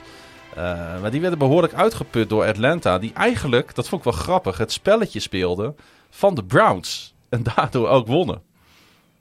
Wat, is, eh, wat was het spelletje van de Browns? Nou ja, eh, de, rennen. Oh, ik dacht een of andere seksuele deliquent eh, als, als quarterback contracteren. Er was op een gegeven moment een drive waarbij de Falcons 10 keer renden op een teamplay. 75 Ja, yard maar- drive. Weet je, het is, het is niet voor niets dat, ze, dat, ze, dat, dat, dat, dat er heel veel mensen zijn eh, die, die ze de, de eh, Atlanta Bears noemen. Niet alleen vanwege hun, eh, hun front office zit allemaal oud Bears spullen. Hun, hun spelers zijn voor een groot deel oud Bears. En nu gaan ze ook gewoon wedstrijden winnen met zeven completed passes. Wat ook gewoon, wat de Bears ook al een aantal jaren gewoon doen. Het is, eh, ik denk dat, eh, dat we trendsetters aan het, zijn, aan het worden zijn zo langzamerhand. Nou ja, wel voor de Atlanta Bears in ieder geval. Eh, en wat het mooi was, in die... in die Zeven completions. ja, ja, maar goed, als je het, als je het de Browns, zeg maar, zo... als je ze zo kan bestrijden met hun tactiek... Dat is wel mooi, hè? Ja, En wat dat betreft is het, eh, is het, is het ook van harte gegund. En dan zie ik zo'n practice squad running back Caleb Huntley in die drive. is familie van jullie quarterback? Eh, nee, volgens mij niet. Oké. zie ik, dan, eh, zie ik dan zijn werk doen. Ja, dat vind ik dan fantastisch om te zien altijd. En ik had gewoon het idee dat ze het bij de Falcons iets meer wilden dan bij de Browns. Er zit toch iets in die mentaliteit. En dat hebben we vorig jaar natuurlijk ook al gezien. De- de- de Browns maken gewoon te veel blunders. Ja, die, die, die denken lijkt het wel eens van omdat wij gewoon een goed, in principe een goed team zijn met betere spelers dan de tegenstander, gaan we wel winnen. Ja, Terwijl heel veel tegenstanders van de Browns zoiets hebben van ja luister, eh, jullie zijn allemaal beter, maar als wij harder werken maken we misschien ook wel een kans. Of in dit geval winnen we ook gewoon. En daar komt dan ook nog eens bij en ja, daar kom ik eh, lekker eh, psychologie van de koude grond hier in het zolderkamertje in, in Groningen-Zuid. Maar de Browns hebben zich denk ik bij heel veel spelers eh, niet eh, heel erg geliefd gemaakt als team eh, met de manier waarop ze met Baker Mayfield en zo om zijn gegaan. Mhm. En, en, en dat, dat gesodemieter met, met Watson. Ze hebben gewoon even niet de gunfactor. Dus dan heb ik ook nog wel eens het idee dat er genoeg spelers zijn die juist tegen de Browns een stap harder zetten. Waar ze voorheen misschien nog wel eens dat of gewoon een tegenstander was... of eentje die ze buiten wedstrijddag om nog wel wat sympathie voor hadden. Ehm, is dat nu niet zo? En de Browns die hebben zelf een soort chip op hun, op, op, op hun schouder. Dat ze denken van ja, weet je, eh, eh, wij komen hier gewoon om even van de Falcons. eh, we gaan gewoon even van de Falcons winnen vandaag. Ja, nee, zo, zo werkt dat niet in de Nee. NFL. nee. En ze hebben natuurlijk met Jacoby Brissett toch, en dat bleek afgelopen wedstrijd wel, een matige quarterback onder center. Ja, maar weet je, ik, ik, ik vind Hij hem- speelde echt namelijk na rust heel erg slecht. Ja, maar ik, ik, ik vind Brissett... Weet je, hij heeft ook heel veel goede dingen. Ik, ik, ik ga niet zonder meer zeggen dat, eh, dat ze bij Atlanta nou zoveel verschrikkelijk veel betere quarterback hebben met, eh, Met Mariota. met Mariota. Nee, misschien dat dat, dat, dat de- deze week wel zo was. Nou, hij heeft wel de goede keuze steeds gemaakt, Mariota. Ja, nee, Eh, maar goed. Mariota hebben we, hebben we ook natuurlijk het draken van wedstrijden Mhm. zien spelen om te huilen. En we hebben Brissett hebben we ook hele goede... Ik, ik denk dat in het, in het grote geheel der dingen... Het verschil tussen Brissett en bijvoorbeeld Mariota is niet zo groot. Maar daar, dat is dan... Brissett is een backup. Mariota is een starter. Eh, alleen ja, wel bij twee teams met allebei heel verschillende ambities, denk ik. En Ja. een heel verschillende fase van, van waar ze zijn. eh, Nou, de Browns, opbouw. de Browns zijn natuurlijk meer dan Jacoby Brissett. Eh, drie red zone tripjes, één touchdown. Meer dan 400 yards. 71 plays gemaakt, maar maar 20 punten gescoord. Een vroege fumble. Niet geprofiteerd van, eh, van die fantastische woordinterceptie. Slechte coaching. Want ook aan de zijlijn, eh, vanuit de zijlijn was het niet goed. Ja, dan is het allemaal niet goed genoeg. En dan hadden de Falcons dus gewoon een goed gameplan. Want die Ja. O-line van de Falcons die zorgt het hele seizoen al voor een goede run game. Met name na rust. In totaal 202 yards. En dat vind ik echt, als je op die manier bekijkt, is het echt een statement win van Atlanta. Zij laten nu een identiteit zien. Ze laten hun smoel zien. Eh, ze krijgen de flow erin. Ondanks dat hun tegenstander meer talent op het roster heeft staan. Ehm, en zij betrekken het hele team erbij. Ja. Want je zou van tevoren denken, alle ballen op Kyle Pitts en, en natuurlijk die, die gedrafte wide receiver Drake London. Kyle Pitts gebruikt tegenwoordig om eh, te blokken. Exact. Ja. En dan zijn het opeens Huntley en Elgire en Williams en Zacchaeus die 216 yards met z'n vieren pakken. ja. Dus ze verrassen. Eh, ze doen alles wat in hun mogelijkheden ligt om wat van dit seizoen te maken, wat ze moeten overleven. Natuurlijk, met name vanwege die cap-situatie Mhm. bij hun dit jaar. Ja, en dan eh, begin ik wel sympathie voor dit team eh, te krijgen. Ja, snap ik Ik wel. hou daar wel van. Ik snap het wel. Ik vind het, eh, ik vind het ergens ook wel leuk dat, dat teams met veel minder talent, met eh, veel minder wapens, eigenlijk er ook nog niet eens beter te spelen, maar gewoon harder te werken, eigenlijk gewoon eh, overwinningen pakken. Dat vind ik altijd leuk om te zien. Ja, het is gewoon keihard knokken. En dat is, dat is ook wat de NFL is. Ja, wanneer je in Buffalo woont en speelt, kun je wel omgaan met een portie slecht weer. En kun je het dus ook op een regenachtige zondagmiddag in Baltimore, waar de Bills hun grootste comeback in 10 jaar tijd bewerkstelligden. Een hard-fought battle tussen twee topteams die aan elkaar gewaagd zijn en allebei moeilijke fases kenden in deze wedstrijd. Zoals vaak in wedstrijden van de Ravens kwam het op het einde aan. De Bills forceerden een big fourth down turnover en Allen leidde zijn Bills vervolgens het veld over om Tyler Bass met een chip shot de overwinning binnen te laten schieten. 23-20 na een 20-3 achterstand. Ja, eh, wij hebben deze wedstrijd natuurlijk. Ik heb deze wedstrijd vooral gevolgd, natuurlijk in het eh, proeflokaal Hooghout. Jij zat, eh, 61. jij zat jouw Bears te bekijken en op het grote scherm zaten we de eh Red Zone te volgen. Ehm, had jij dit verwacht toen je bij rust de, de tussenstand zag? Ehm, nou, ik had niet verwacht dat de Ravens eigenlijk eh, helemaal eh, niet meer tot scoren zouden komen. Ik had wel verwacht dat, eh, dat de Bills naar een eind terug zouden komen. Dat heeft deels te maken met inderdaad wat, wat Frank ook al zei over die secondary van de Ravens. Dat ze gaandeweg het vorderen van de wedstrijd vaak wat dingen weg gaan geven. Maar dat heeft ook te maken met dat, dat van wat ik ervan zag op, op Redstone ook voelde Allen zich niet helemaal op zijn gemak in de omstandigheden in de eerste helft. Dat ging gewoon echt, hij kwam zeg maar niet in een ritme. Nee. En eh, ik had eh, niet het idee dat, of ik laat ik zo zeggen, ik vind Allen te goed om vier kwarten lang niet in een ritme te komen. Kijk, hij kan best eh, eh, een poosje zijn, zijn ritme zoeken. En dan moet je als team toeslaan. En dat heeft eh, Baltimore ook gedaan, denk ik. Maar eh, Ja, met, ja, met, name- met name dat eerste kwart was onwaarschijnlijk van de Ravens. Ehm, ik, ik wist eigenlijk niet wat ik zag. Zo matig waren, waren de Ravens. Eh, maar moment van de wedstrijd, waar het dan dus op aankomt, was natuurlijk die fourth down. Hè. John Harbaugh ging ervoor. In plaats van eh, voor een field goal te gaan, dat het in een interceptie eindigde. Perfect gelezen overigens door die John, eh, Jordan Poyer. Was extra desastreus aangezien de Bills daardoor op de 20 mochten beginnen. In plaats van met de kont in de endzone.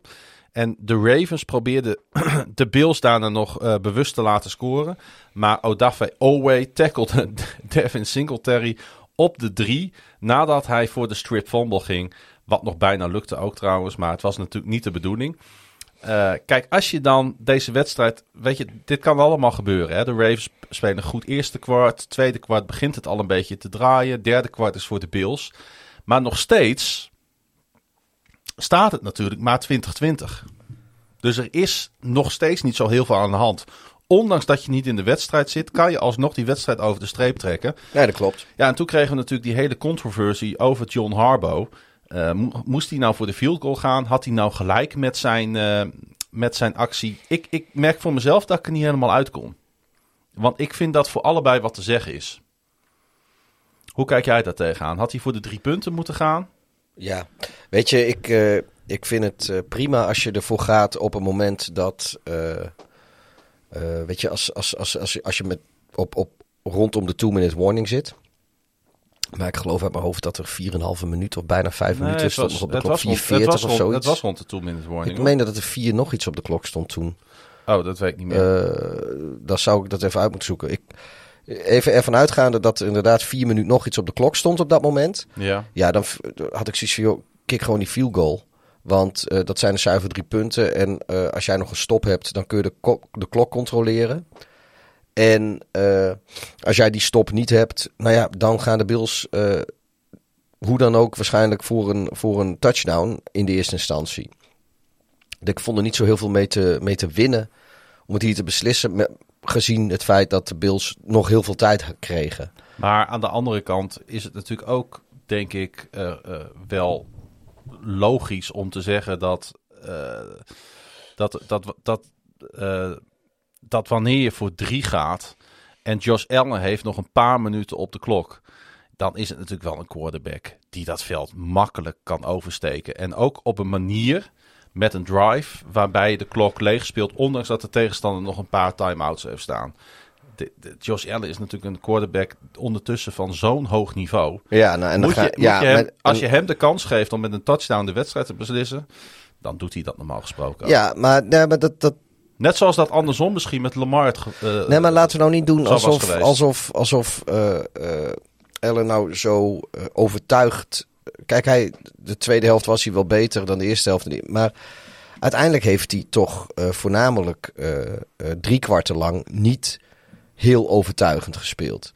En ehm, je moet ook je eigen team toch iets meer vertrouwen, vind ik. Ik, ik moet eens even kijken. hoor. Ik wil eens even zien wanneer dat was. Want als, kijk, als het rondom, als het vlak voor de two-minute warning was, vind ik het anders. mm, Dan geef ik, geef ik vriend Harbo gelijk. Maar voor mijn gevoel was het vier minuten nog iets wat nog op de klok stond. En dat vond ik eigenlijk te veel. Even kijken. Hier volgens mij even kijken naar play-by-play. nou, zoek het eens even op. Dan Eh. eh, zijn we er voor altijd vanaf. Eh, interception. Oké, nou, het de 3 minuten 32. Oké. Oké, dat is niet helemaal voor de 2-minute warning. Maar het is ook niet de 4,5 minuut die ik dacht.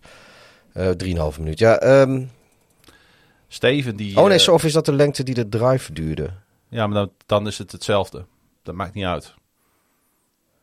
Want dat was... eh, ze hebben de klok tot nul eh, natuurlijk leeggespeeld. Met hun laatste drive. Ja, oké. Want dat waren de laatste minuten van de wedstrijd. Nou ja, goed, we, blijven hier niet, we gaan hier niet in blijven hangen in ieder geval. Even terug naar die situatie, Pieter. Eh, Steven die vraagt, hoe verkeerd eh, kan je de situatie inschatten? Is, vind jij het nou echt een fout van, van Harbo? Eh, of heeft hij, heeft hij ja, toch, toch gelijk gehad? Of gelijk gehad?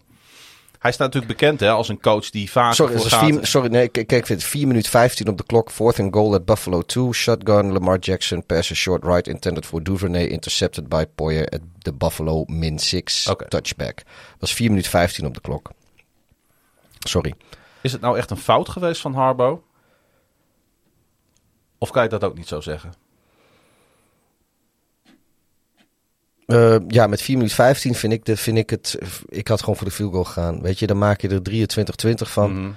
En wat ik zeg, je hebt. eh, Ja, kijk, ik, ik denk niet dat, dat ze die klok zomaar, zomaar leeg kunnen spelen. Daar waren de omstandigheden ook niet voor. Hmm. Ik, ik weet het niet. Ik, ja, weet je, zo makkelijk zeggen. Kijk, als hij die touchdown als iemand had gemaakt, dan eh, was het de briljantste call eh, van het seizoen tot nu toe geweest. Je zit natuurlijk ook niet meer in de wedstrijd als Ravens. Je kunt natuurlijk ook denken van we hebben nu Nee, precies. Ze hebben al. de al tijd niet gescoord. Laten we in vredesnaam eens een keer die pak drie gewoon die punten drie, op ja, pak eh, die drie punten en zetten. hebben we wat. Want ze hebben de, nou ja, precies. En ja, ook Buffalo.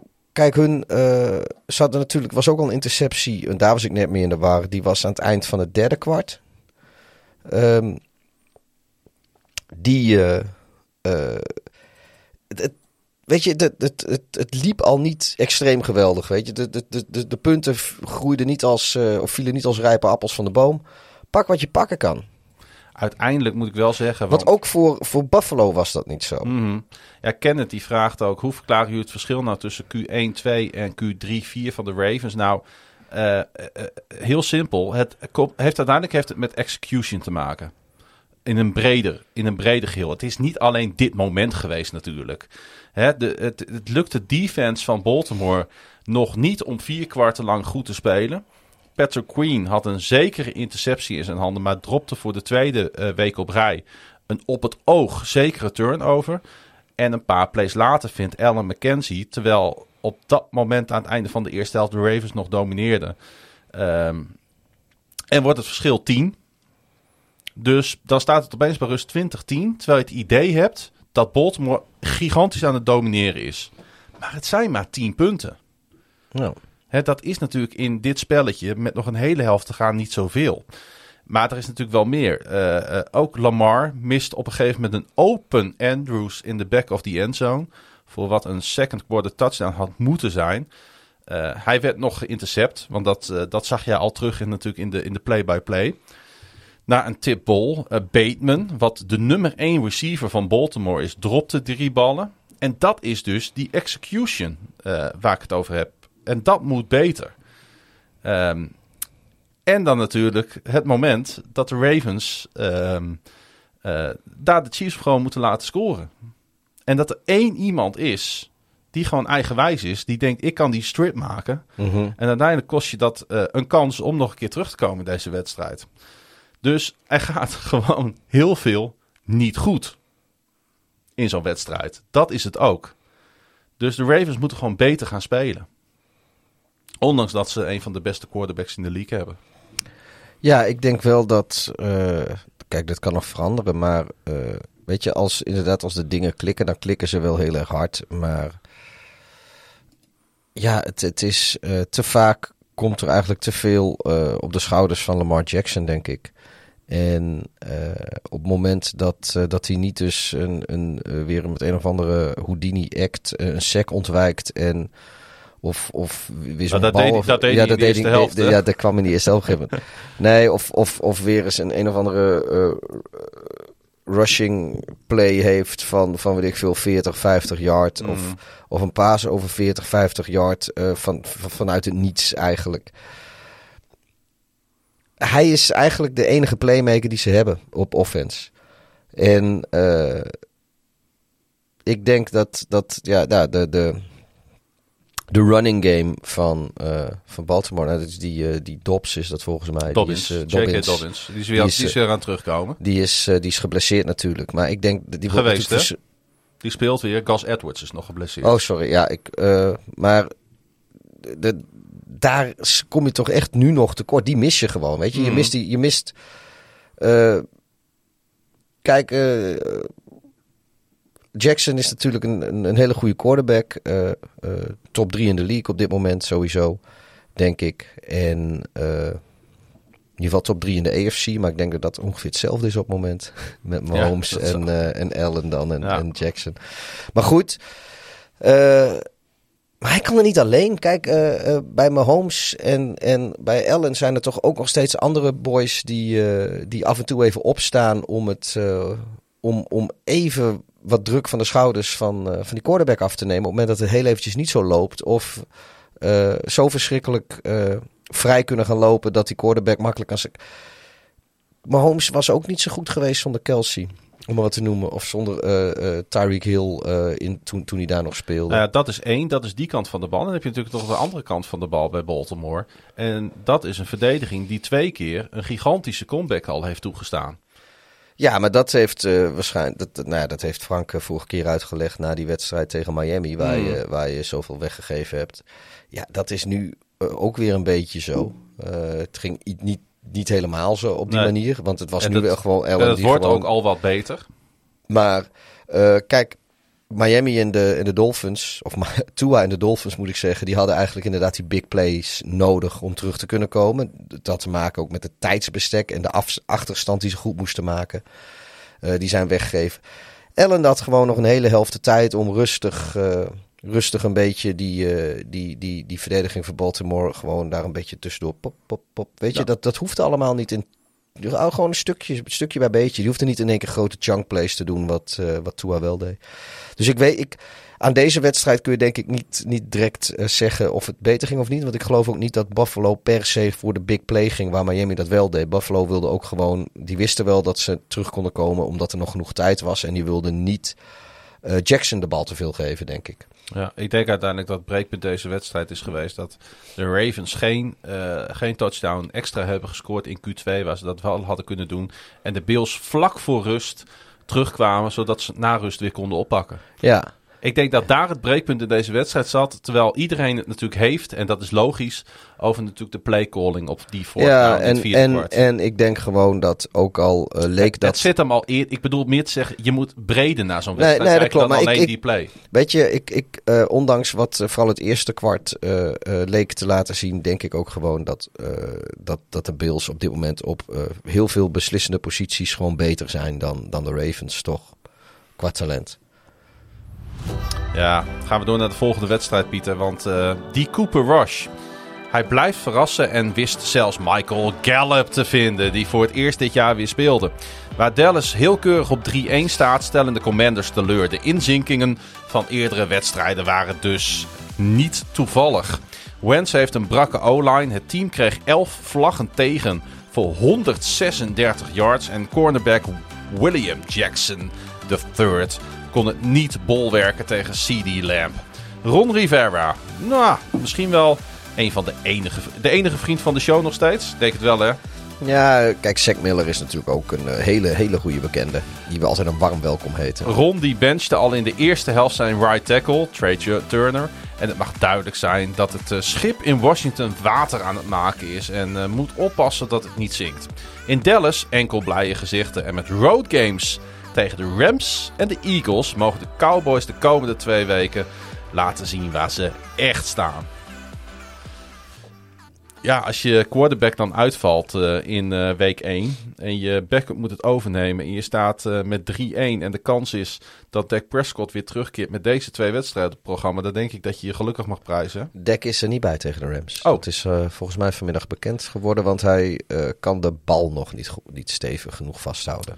Goed dat je dat even meldt. Ik uh, had ergens hoop voor hem, namelijk dat hij uh, al zou terugkeren. Ja, dit is ook weer niet van een dokter gekomen. Dit komt van, uh, god hoe heet die, die, die, die, die clown die daar de boel bezit. Jerry Jones. Jerry Jones, die riep dat weer. Ja, die inderdaad alles maar over, uh, over straat gooit uh, als, het, als het op, op, op spelers aankomt. Ja. Heel apart inderdaad. Maar goed, uh, helaas dus nog geen dek. Aan de andere kant is dat wel helaas. Als je ziet hoe Nou ja, deze Cooper Rush staat te spelen. Kijk, het gaat goed zolang het goed gaat. Ja. En ik denk, weet je, zolang, En als je, als je, zolang als je de Cooper Rush blijft winnen. moet, moet treffen, dan is het... Nu wel. Nu ja. wel. Als, je, als ik zolang Cooper Rush blijft, blijft winnen, dan uh, zal Dek uh, alle tijd krijgen om, uh, om die bal stevig vast te houden. Want, maar als, als ze nou, weet je, als, als die tegen, tegen die defense van de Rams, die zich waarschijnlijk ook wil revancheren, als hij daar vier intercepties gooit en er wordt acht keer gesackt en, en ze komen op, op, op nog geen tien completions en, en, en, en 50 passing yards uit.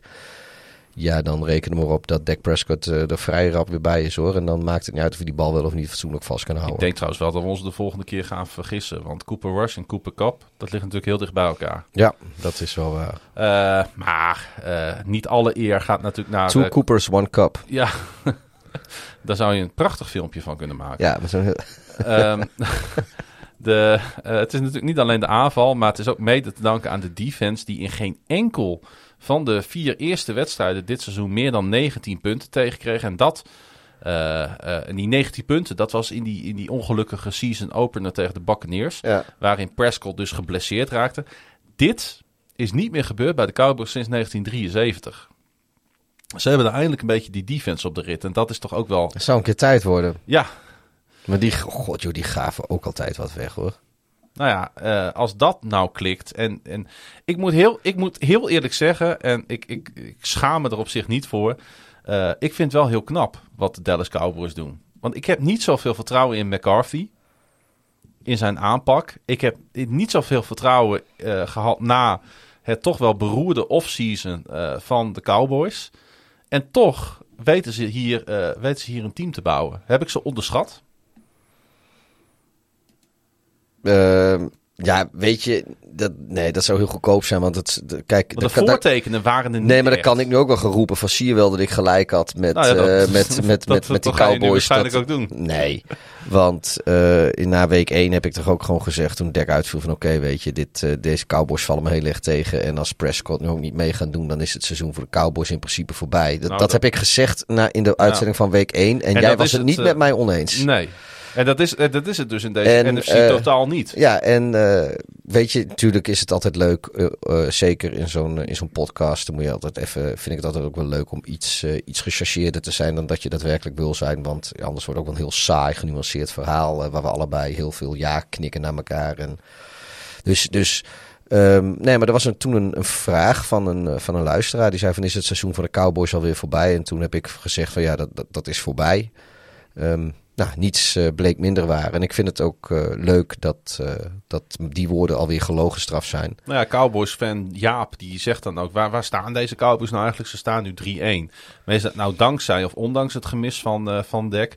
Nou ja, Cooper Rush doet het dus erg goed. De beste man heeft in al die wedstrijden geen enkele interceptie gegooid. Dat is altijd goed nieuws als een quarterback dat niet doet. Ehm, en hij heeft nu ook dus nog eens Gallup tot zijn beschikking. Het was de eerste keer dat de quarterback en de wide receiver samen op het veld stonden.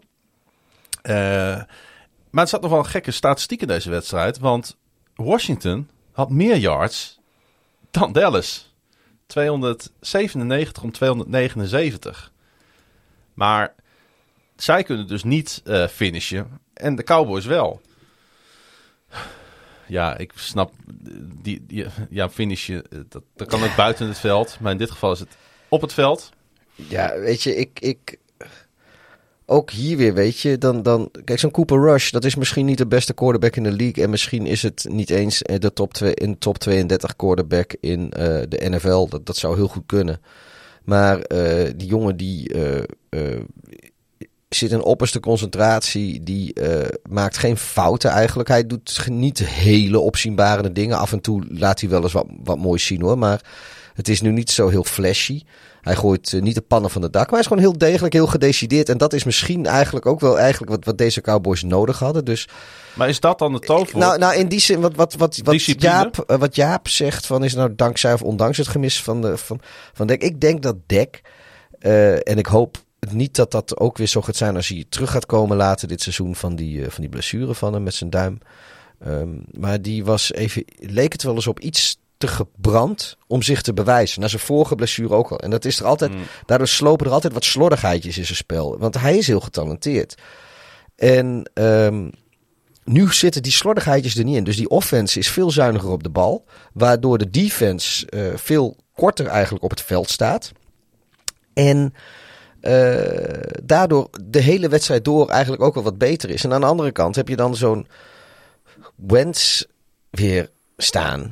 Die, ja, in een poosje in een wedstrijd ziet hij er wel weer uit. Hij denkt van, oh ja, dit, eh, die Wentz die kon wel wat. Maar er komt een moment dat het, dan gaat die, gaat die knip weer om. En dan is dat gewoon weer diezelfde laffe, Ja. matige Wentz die we al, al jarenlang zien. Maar niet alleen bij hem, hè? Want. eh, Nee, maar dan stort dat hele, hele, dat hele, die hele die commanders, die gaan als een eh, plum pudding, ja. stort dat in elkaar. En dan denk ik, wat, wat, wat, maar, maar goed.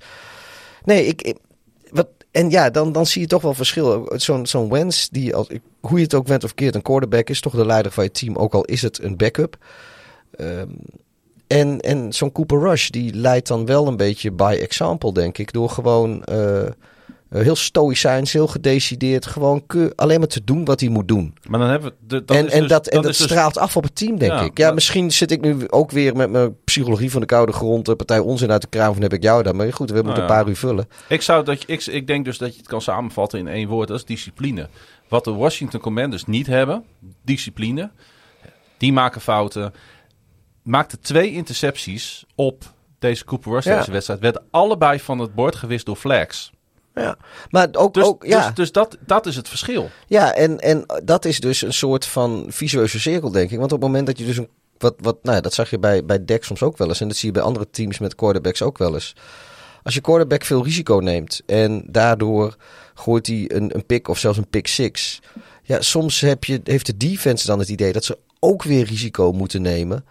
Eh, om, om dat goed te maken. Dus dan gaan zij ook voor een pick waardoor ze een tackle missen. Of ze gaan voor, eh, voor, de, voor de sack om iemand buiten field goal te krijgen. Maar dan, waardoor een, een, eh, bij, de, bij de blitz zeg maar in één keer iemand vrijkomt. De safety valve die in één keer heel veel yards wint. Waardoor ze in plaats van een field goal een touchdown weggeven. Of, of er komt een roughing the passer penalty omdat ze te laat zijn. Weet je, dat, het, het, Dan gaan ze als, als, de, als, de ene kant, ja, als de ene Ja. kant van de bal eh, slordig is en foutjes gaat maken, dan gaat het vaak aan de andere kant van de bal ook gebeuren. En eh, ja, dat, op dit moment lijkt dat eh, bij, bij de Cowboys allemaal wat rustiger te zijn. En dat komt voor iedereen in dat team komt dat ten goede, denk ik. En dan is het voor zo'n McCarthy, zo, ja, met alle respect toch, ook al heeft hij een Super Bowl achter zijn naam staan, toch een, een, een in 2020 relatief matig getalenteerde coach. Is het dan vrij makkelijk coachen, denk ik. Misschien eh, werden de Washington Commanders wel een beetje uit evenwicht gebracht toen ze opeens die eigenaar Dan Snyder voor de wedstrijd op het veld zagen staan. Nog altijd loopt tegen hem namelijk een onderzoek betreffende veronderstelde, zoals dat zo mooi heet in Amerika, workplace misconduct binnen de Commanders organisatie. Hij was dus voor de wedstrijd op het veld te zien met eh, Jerry Jones. Eh, Snyder mag momenteel de dagelijkse taken nog steeds niet uitvoeren. En is nog steeds niet gesignaleerd tijdens thuiswedstrijden van zijn team. En dan vind ik het raar dat je voor deze wedstrijd uitgebreid, voor alle camera's, met die Jerry Jones een beetje op het veld gaat wandelen. Vind je niet? Ik vond het opvallend. Ja. Nee, ik laat, laten we ook niet doen of we de avond van tevoren niet er even rond had kunnen lopen. Exact. Of, of nu. Dan drink je toch de avond van tevoren een borrel op kantoor als je Ja. elkaar zo graag wil mieten. Of, ja, of Deze man mag ga- dus niet day-to-day werkzaamheden voor zijn team uitvoeren. Nee. Want er loopt een onderzoek eh, naar hem. Terecht, denk ik. Ja. Want er is daar van alles mis binnen de Uh-huh. organisatie. We hebben het al vaak genoeg over gehad. Maar laten we het nog maar een keer benadrukken. En dan ga je pontificaal.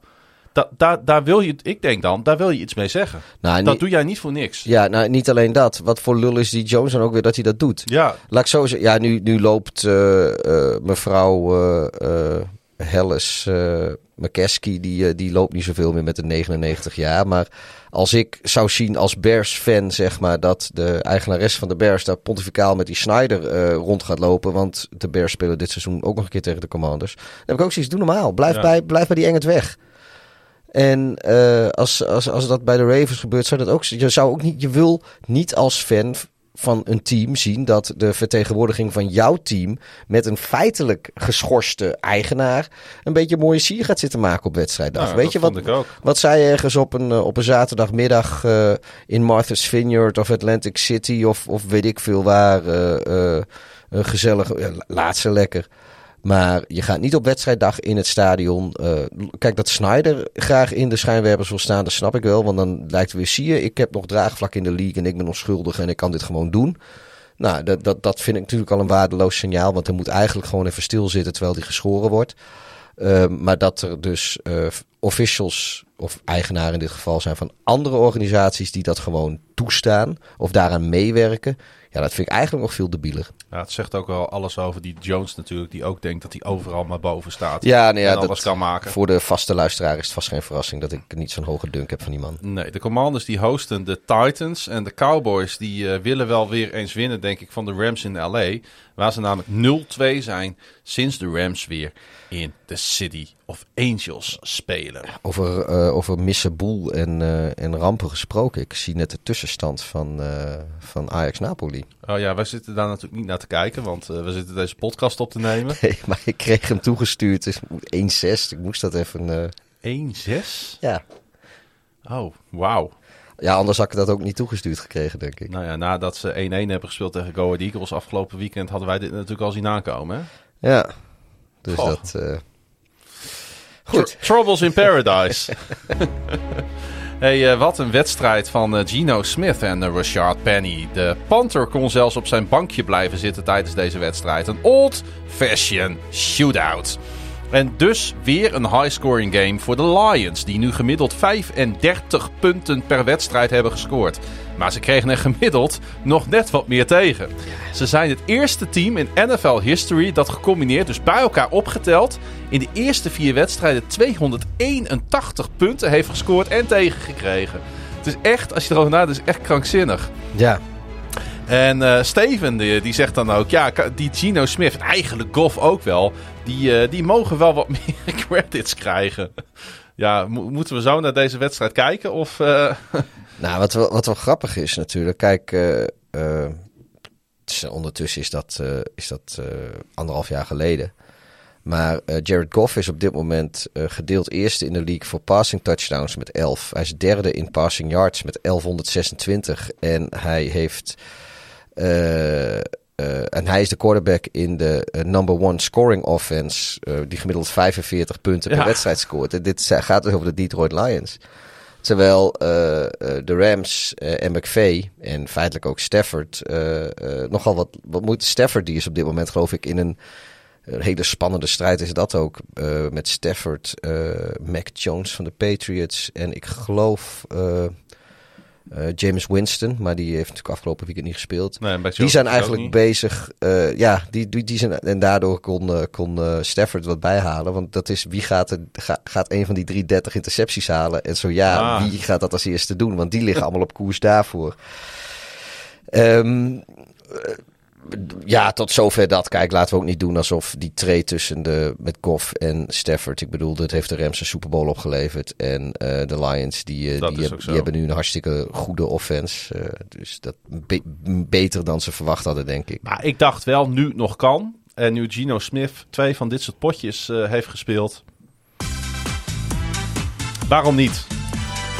Gino Smith, biertopper van de week. Week, week, week. Pa, pa. Ja, want eh, Patrick eh, eh, die vraagt ook, laat Gino Smith nou eindelijk zijn potentieel zien? Of denken jullie niet dat hij de vorm van de laatste twee wedstrijden kan vasthouden? Ja, we moeten natuurlijk wel even bij aantekenen. En dat woord viel al in diverse appgroepen. Eh, de Detroit Lions hebben een college verdediging staan, hè? Dat is niet best. Op een paar sterkhouders na. Het verschil zeg maar, tussen de beste Ja. speler in de defense van de Lions en de slechtste speler is nergens zo groot. Nee, dat, is, ik, ik, dat, dat denk ik wel. Als ik, Het, het, het is toch echt. Het, is, het kan eigenlijk. eh, eigenlijk kan deze statistiek niet. ze hebben ook weer geen enkele sack hè, de- tegen, tegen Seattle. Eh, nee, volgens mij Terwijl niet. die er ook niet echt bekend staan omdat ze een goede, goede O-line hebben. Wie ik trouwens ook biertopper van de week had kunnen Oh, maken. één, volgens mij is er één... één, één Wel één stekje? eh, nee, nee, volgens mij niet. Nee. Oh, nee, volgens mij ook niet. Eh TJ Hawkinson, die had ik natuurlijk ook biertopper hè, kunnen maken. Ving eh, acht ballen, noteerde career highs met 179 yards receiving en twee touchdowns. Volgens mij was Hawkinson zelfs de receiving leader in de NFL.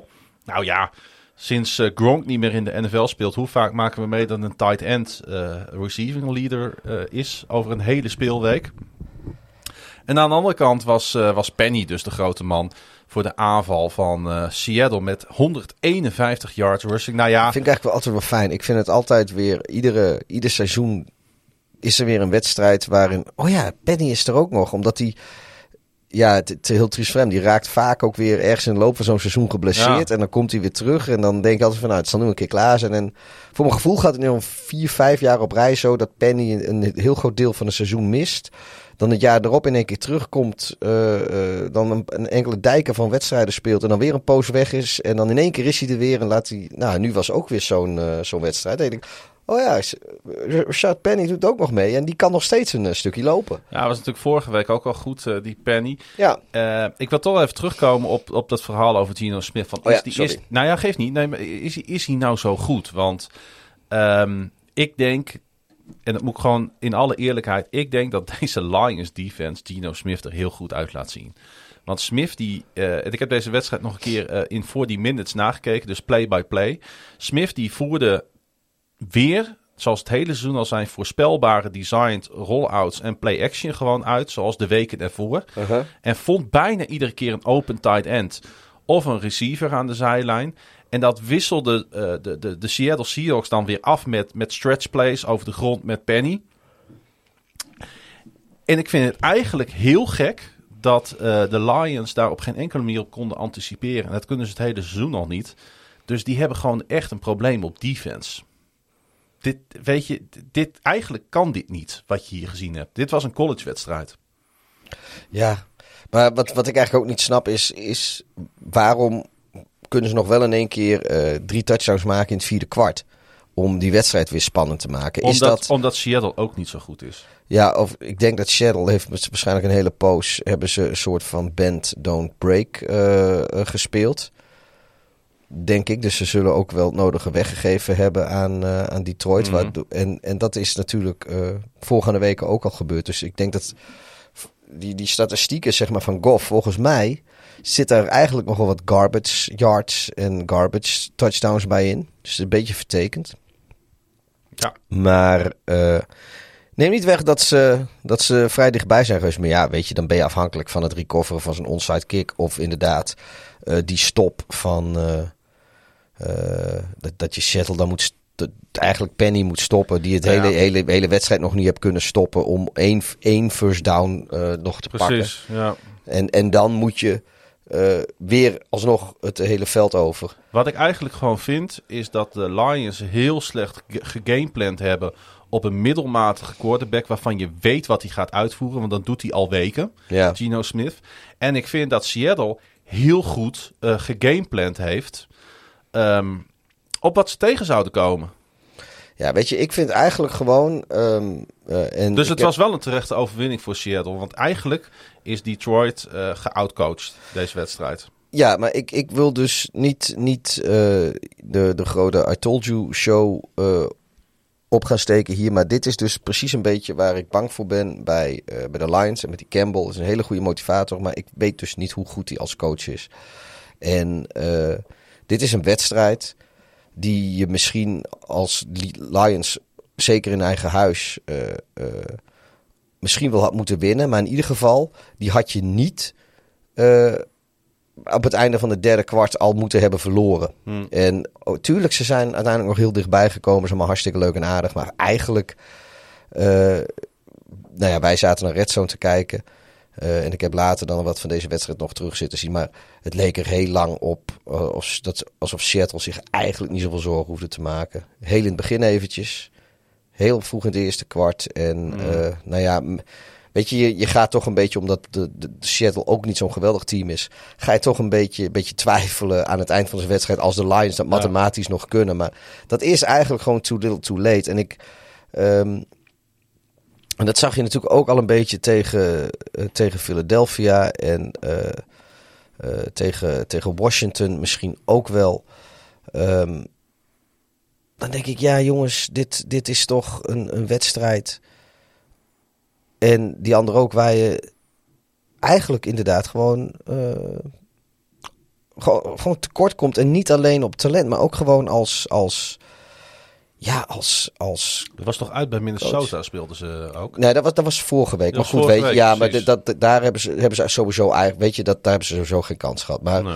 kijk, zoals eh, tegen, de, tegen Philadelphia, dan lijkt het heel wat. Maar dan maakt ook Detroit, die maakt nog even eh 14 of 14 punten in het laatste kwart. Waardoor ze in één keer tot 38, 34 terug, of 38, 35 terugkomen tegen de Eagles.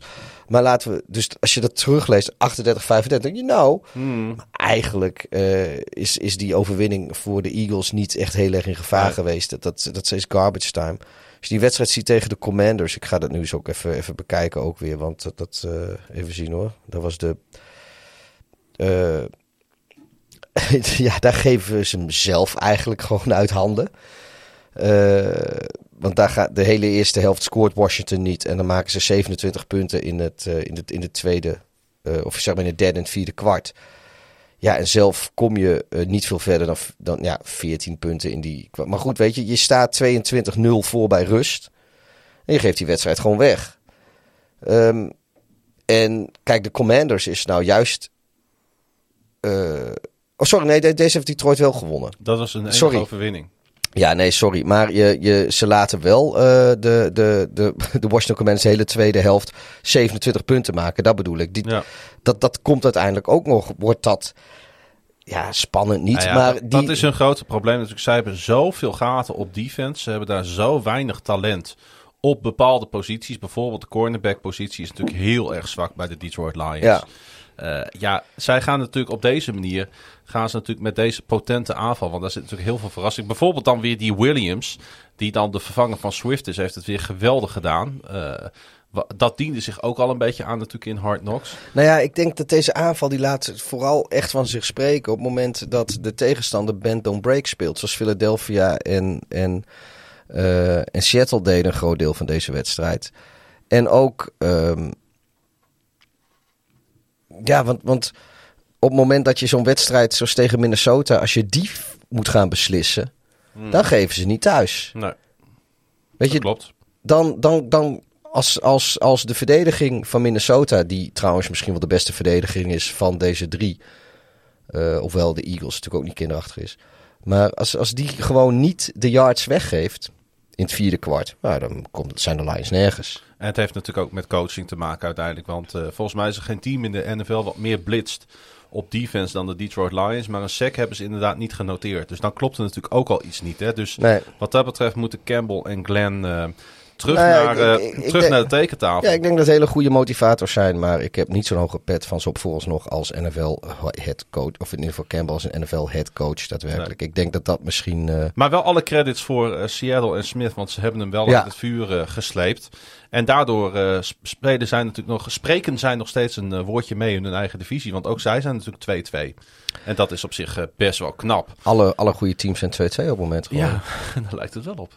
De Seahawks die spelen zondag wederom on the road en wel in New Orleans. En de Lions gaan op bezoek bij de Patriots. Ah, daar was hij dan eindelijk. Ik weet niet of jij hem gemist hebt, Pieter. Austin Eckler. Vorig jaar noteerde hij 20 touchdowns en het werd dus tijd voor een breakout game. En die kwam met drie touchdowns in een 34-24 overwinning in en op de Houston Texans. Ook Justin Herbert was weer zo goed als terug met een 300 plus yards game en twee touchdowns. Na een 27-7 voorsprong bij rust leek er weinig aan de hand, maar opeens scoorde Houston 17 punten op rij en naderde tot 3 punten waarna de Chargers een nieuwe deceptie voorkwamen. Herbert heeft nog altijd last van een ribblessure en het team moet het stellen zonder star defender Joey Bosa die een operatie achter de rug heeft en top receiver Keenan Allen. Het is nog verre van ideaal, maar de Chargers staan, net als heel veel andere teams, tenminste 2-2. Ja, het is een beetje, dat is een beetje de storyline eigenlijk in de NFL hè heel veel teams die op 2-2 staan. Dus dan Ja. is er ook nog niet zoveel aan de hand natuurlijk. Hè? Ook niet voor LA. Nee, je, je hebt, je hebt heel, veel, heel veel win je niet, maar ook heel veel eh, verlies je niet. Nee, en je bent dus ook nog niet eh, ver weg eh, bij de andere teams of, of bij het team. hè. de Chiefs staan nu één wedstrijd voor op de Chargers. Nou ja, dat zegt natuurlijk ook nog niet Ik vind zoveel. het zijn wel eh, een hele verscheidenheid aan teams die 2-2 is hoor. Want ik, zit- ik even te kijken hoor. Tampa Bay, Jacksonville, Cleveland, San Francisco, Cincinnati, Tennessee, Los Angeles Rams, Baltimore Ravens. eh, de Jets, Arizona Cardinals, Atlanta Falcons, Ja. Los Angeles Chargers, Denver Broncos, de Seattle Seahawks en de Chicago Bears. Dat zijn eh, de 2-2 teams in de league. En ik, ja, daar zitten dus echt teams bij die eh, op voorhand eh, de eerste draftpick al haast ingepraat waren. Die al twee keer gewonnen hebben. Maar er zitten ook teams bij die, die als gedoodverfde Super Bowl kandidaat genoemd zijn. Die er al twee verloren hebben eigenlijk. Dus ja, ik, ik vind het wel heel grappig zoals dat gaat. Ja, de Texans die blijven, want die, dat is geen 2-2 team. Die blijven dus, ik denk dat dat het slechtste team in de league is nu hè. Nou, het is het enige, Met een team, gelijkspel. het enige team zonder overwinning. Ja. Die blijven steken op dat ene gelijkspel tegen de Colts, weet je nog.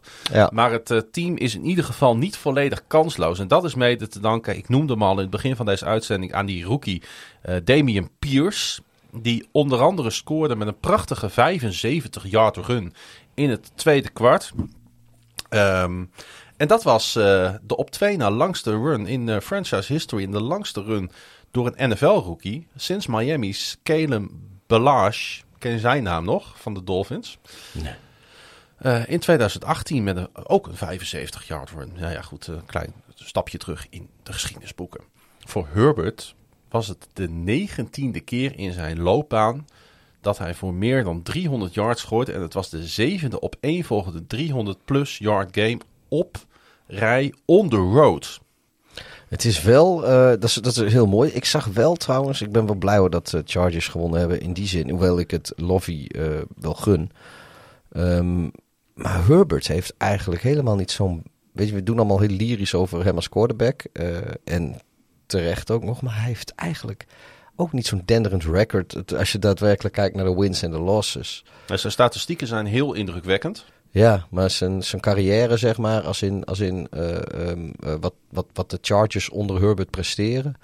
En eigenlijk ook onder, eh, god weet hij nou, die coach van ze, die dus bij, bij Staley. ja, Brandon Staley. Die heeft ook niet zo'n tenderend coaching record eigenlijk. Nee, maar zij hebben natuurlijk wel veel gepatcht eh, dit jaar. Ze hebben Mhm. veel goede toevoegingen gedaan. Ja, maar ook nu is het nog steeds... eh, Maar de eh, blessures beginnen zich ook alweer een beetje op te stapelen natuurlijk. Ja, maar goed, ze hebben dan heel veel dingen gedaan. Uiteindelijk staan ze 2-2. Nou ja, goed, wat ik zeg, de halve league staat 2-2. Dus dat is op zich niet, niet de grootste ramp. En je bent... Je En zij hebben natuurlijk gewoon vorige week van Jacksonville verloren met een Herbert die eigenlijk niet had moeten spelen. Want ook hier hebben de Chargers natuurlijk weer een belachelijk risico genomen door iemand Ja. met een zware ribblessure Ja. er gewoon vier kwarten lang in te zetten. Daar hebben wij onze afschuw natuurlijk vorige week al over afgesproken, eh, uitgesproken. uitgesproken, ja. En nou ja, ik, ik niet, maar bij deze nog even wel. Maar eh, ook daar denk ik van... Ik denk ook serieus van, joh, als je, daar kun je gewoon met een backup gaan spelen. En eh, best kans dat je dan wel wint. Ja. ja, helemaal mee eens. De Chargers die eh, reizen komend weekend af naar Cleveland en de Texans die gaan naar Jacksonville. Ja, we zeiden het vorige week al in eh, deze nu al legendarische podcast. De Titans die moeten hun sterspelers meer betrekken bij het spel. En Derrick Henry heeft geluisterd naar NFL op woensdag en eiste een belangrijke rol voor zich op. In een wedstrijd tussen eh, toch ook twee NFL rushing kampioenen. Al stonden ze natuurlijk niet tegelijkertijd op het veld, was het Henry die tevreden kon terugkijken en Jonathan Taylor niet.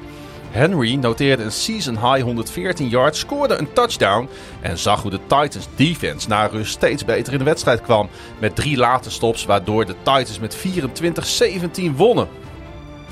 Ja, de vorige keer eh, dat Henry in Indy speelde, liep het niet zo goed eh, met hem afbieten. Want toen eh, brak hij dat botje in zijn eh, rechtervoet. En het heeft natuurlijk even geduurd voordat hij weer een beetje de oude was. Namelijk tot afgelopen weekend. We hebben eindelijk weer een beetje die de oude Henry King, gezien. eh, hè? King Henry, ja. En eh, hij vindt en hij en alle Titans vinden het natuurlijk het allermooiste om dat in Indianapolis te doen. Het is toch een beetje een tweede huis. Want volgens mij doen de Titans het over het algemeen in Indianapolis. Ja, de- op de een of andere manier vind ik dat ook zo'n divisie waarvan de rivaliteiten me eigenlijk altijd een beetje soort van onge... Maar ik weet dat, dat, dat Indianapolis en de Titans, dat zijn geen vrienden. En ik weet dat, eh, dat, dat bijvoorbeeld de, de, de Colts en de, de Jaguars, die hebben ook oprecht hebben die problemen met elkaar. En Nou, de Colts hebben heel veel problemen, vooral met de Jaguars. De Jaguars zien ze heel graag komen. Ja, nee, oké, maar het is sowieso in, eh, in, in Florida. Nee, dat is Ja. waar. Nee, maar goed, die. ehm, ik, ik, laat ik zo zeggen, als ik denk bij divisie, rivaliteiten en echte clashes, denk ik niet aan de AFC South. Hm. Terwijl eh, eh, voor de spelers dit volgens mij hele belangrijke wedstrijden zijn. Die kunnen zich helemaal ervoor opladen. En inderdaad voor de Titans, de, de Titans fans natuurlijk, zijn, is, zijn dit soort wedstrijden ook de kers op de taart. Maar ja, ik, ik vind het... eh, ik vind, ik, ja, ik vind het mooi. En ik, ik weet ook niet wat het is met de Colts. Want het maakt niet uit welke veteraan ze aantrekken om op quarterback te gaan spelen. Maar ja, Flippy Rivers, die, die deed nog wel een beetje leuk mee. Maar die was eigenlijk gewoon een jaar te lang doorgegaan. Ja, Maar geld- wat- dat wat Wentz- dus voor Matt Maar, maar- Ryan ja, maar, wat, ook. ja maar, maar Philip Rivers was geen schande Nee. om te zien, weet je. Die, die, die, uiteindelijk was het in die, die playoff wedstrijd in Buffalo. Toen kon, moest hij die heel Mary doen. Ja, dat en hij kwam meer. van de 50 yard, kwam niet veel verder dan de 20 yard Nee. lijn of zo. Ik denk dat dat 30 air yards, die bal, dat, dat was eigenlijk gewoon gênant. maar eh, wat Wentz vorig jaar liet zien in het shirt van de Colts... en wat eh Matt Ryan nu bij Vlagen laat zien... daar lussen de honden gewoon geen brood van. Nee, alweer zijn achtste fumble van dit jaar. Ja, Acht fumbles Acht. in vier wedstrijden door je... Nou, door, door een, een, een van de... Ja, het is toch een gevierde quarterback. god, eh, met een iets betere coach had hij een Super Bowl kunnen winnen. Ja. Ehm, eh, nee, dit, dit, dit, dit was weer... eh, het- ik, ik, met, in, in hindsight eh, begin ik me nog steeds... Ik moet die wedstrijd nog maar een keer terugkijken. Hoe hebben de Colts in vredesnaam van de Chiefs gewonnen vorige week? Dat is een heel bizarre uitslag tussen de, deze wedstrijden die ze tot nu toe hebben gespeeld dit seizoen. Nou, om, ik denk omdat de, de, de Chiefs, die hadden een korte... Hey, die hadden één een dag niet. Ja, maar die moest, die, ik denk dat die misschien wel gewoon langs de Colts gekeken hebben... en ondertussen al naar de Buccaneers aan het kijken waren. Ja, dat, dat, dat, dat moet bijna wel.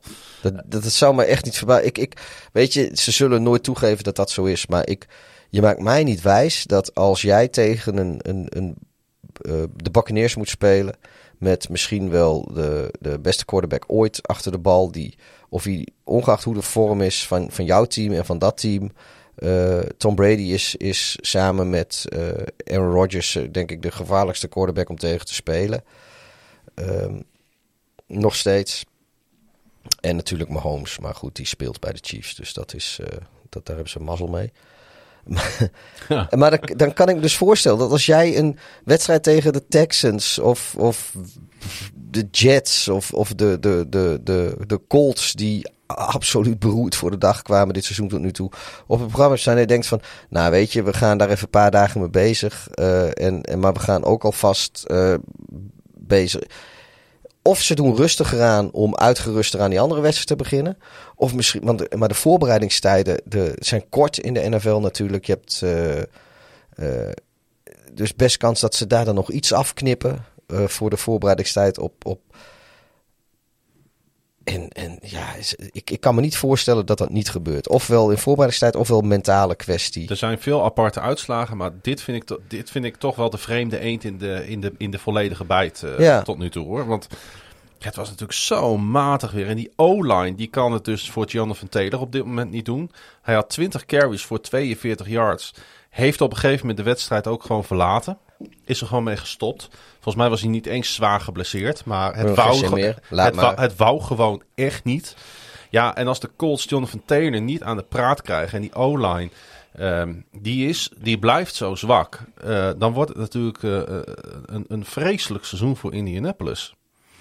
Ja, dit kan nog wel even, eh, even lang duren, denk ik. En dan Eh, eh, moeten ze zich ook, denk ik, zorgen gaan maken dat ze niet voorbij worden gestreefd door, eh door divisiegenoot Jacksonville. nou, Die ja, veel beter voor de dag komen Als, eigenlijk. als de Colts zo blijven hannissen, is leuk hoor dat ze dan tussendoor een keer van de Chiefs winnen. Maar dan is het inderdaad, dan maken de, dan, dan, dan maken de, de, de Jaguars een uitstekende kans om in ieder geval niet laatste te worden. Ik, nee, maar, ik maar Nou, niet laatste, om gewoon, om gewoon voor een tweede plek te gaan. Om gewoon mee te doen in de wildcard race. En dan moet je... Oh ja, en dan ja, moet je- en natuurlijk. dan- Ja, de Texans hebben natuurlijk ook. Nou, kijk, ik denk Ja. wel dat dit eh, ondertussen. En nou, volgens mij had ik. dit- weet je, ik, ik. Ik vind Jacksonville een veel betere indruk maken dan Indianapolis. Nee, maar ik denk nog wel steeds dat dit eh, de Titans hier de, de, de sterkste team zijn in de divisie. Zeker inderdaad als de Henrys en zo. Ja, als en- die ook weer een beetje mee En de doen. Titans doen één ding goed. Zij, zijn, zij winnen bijna al hun divisiepotjes. En daar Ja. win je deze divisie mee.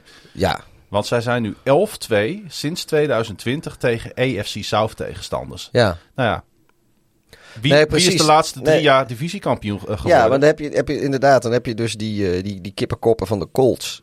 Laatste die- vijf jaar zelfs. Die, die, die, die, die het gewoon, die verliezen het dan van de Texans en van de Jaguars af en toe, weet je. En, en, en, en, nou, en van de Titans ook vaak. Ehm, ja, die... eh, eh, nou, nee, dat is inderdaad. Want iedere keer zijn de Colts, die wilden eigenlijk de laatste jaren steeds de uitdager zijn van, van, eh, van Tennessee. En het is ook wel spannend geweest natuurlijk. Ja, maar Dat uiteindelijk... kwam vorig jaar ook op de laatste wedstrijd aan natuurlijk. Ja, maar als die onderling is, dan weet je ook wel wie die gaat winnen. Nou ja, die, nou ja, die laatste wedstrijd was dus tegen Jacksonville. Ja, Eh, oh, dat ja was- voor dat hun, was ja. Die, hè, dat was die beroerde pot van de Colts eh, bij, bij Jacksonville in week 18. Nee, maar dat, eh, nee, ik denk dat dit eh, de Tennessee's eh, divisie is om, om te verliezen op het moment dat, dat iedereen die ze daar onder contract hebben staan weer voor de dag komt. Want ze wat dat betreft wachten op, ehm, op de potjes die de Jaguars en de Titans onderling gaan spelen. Die, daar heb ik wel zin in. Ja, Kijk er toch wel naar uit. Of het toch een keer gaat gebeuren voor Jacksonville dit jaar. De Titans die gaan in ieder geval op bezoek bij Washington. En de Colts in Denver, die hebben een korte week. Want die gaan eh, Thursday Night Football kijken. Ja, met Daniel Jones aan de zijlijn. Met een enkel blessure. En Tyrod Taylor in concussion protocol. Had Brian de Bol weinig opties meer over. Had Jones eerder in de wedstrijd nog voor twee touchdowns gerend. Nu kwam het aan op Saquon Barkley.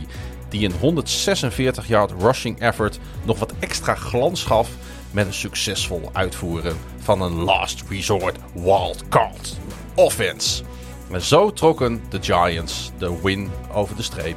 Met 3-1 hebben ze hun beste start sinds 2011.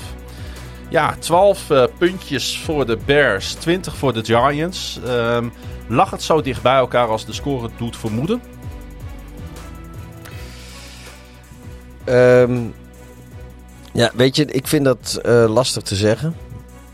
Ik denk het niet. Eh, in, laat ik zo zeggen, ik heb niet het idee gehad, eh, eigenlijk nauwelijks het idee gehad dat de Bears deze, deze wedstrijd zouden winnen. We kwamen maar tot vier field goals. Aan de andere kant, weet je, het blijft de NFL, dus zo- zolang het gat één score is, eh, heb ik zoiets van, ja, weet je, vreemdere dingen zijn gebeurd. Ehm, Ja, en, en, en de Bears kregen natuurlijk op het eind nog de kans om een drive neer te zetten. Om eventueel die acht punten te pakken. Ja. Alleen, eh, wat- toen was er natuurlijk die, die fumble op, op die pand.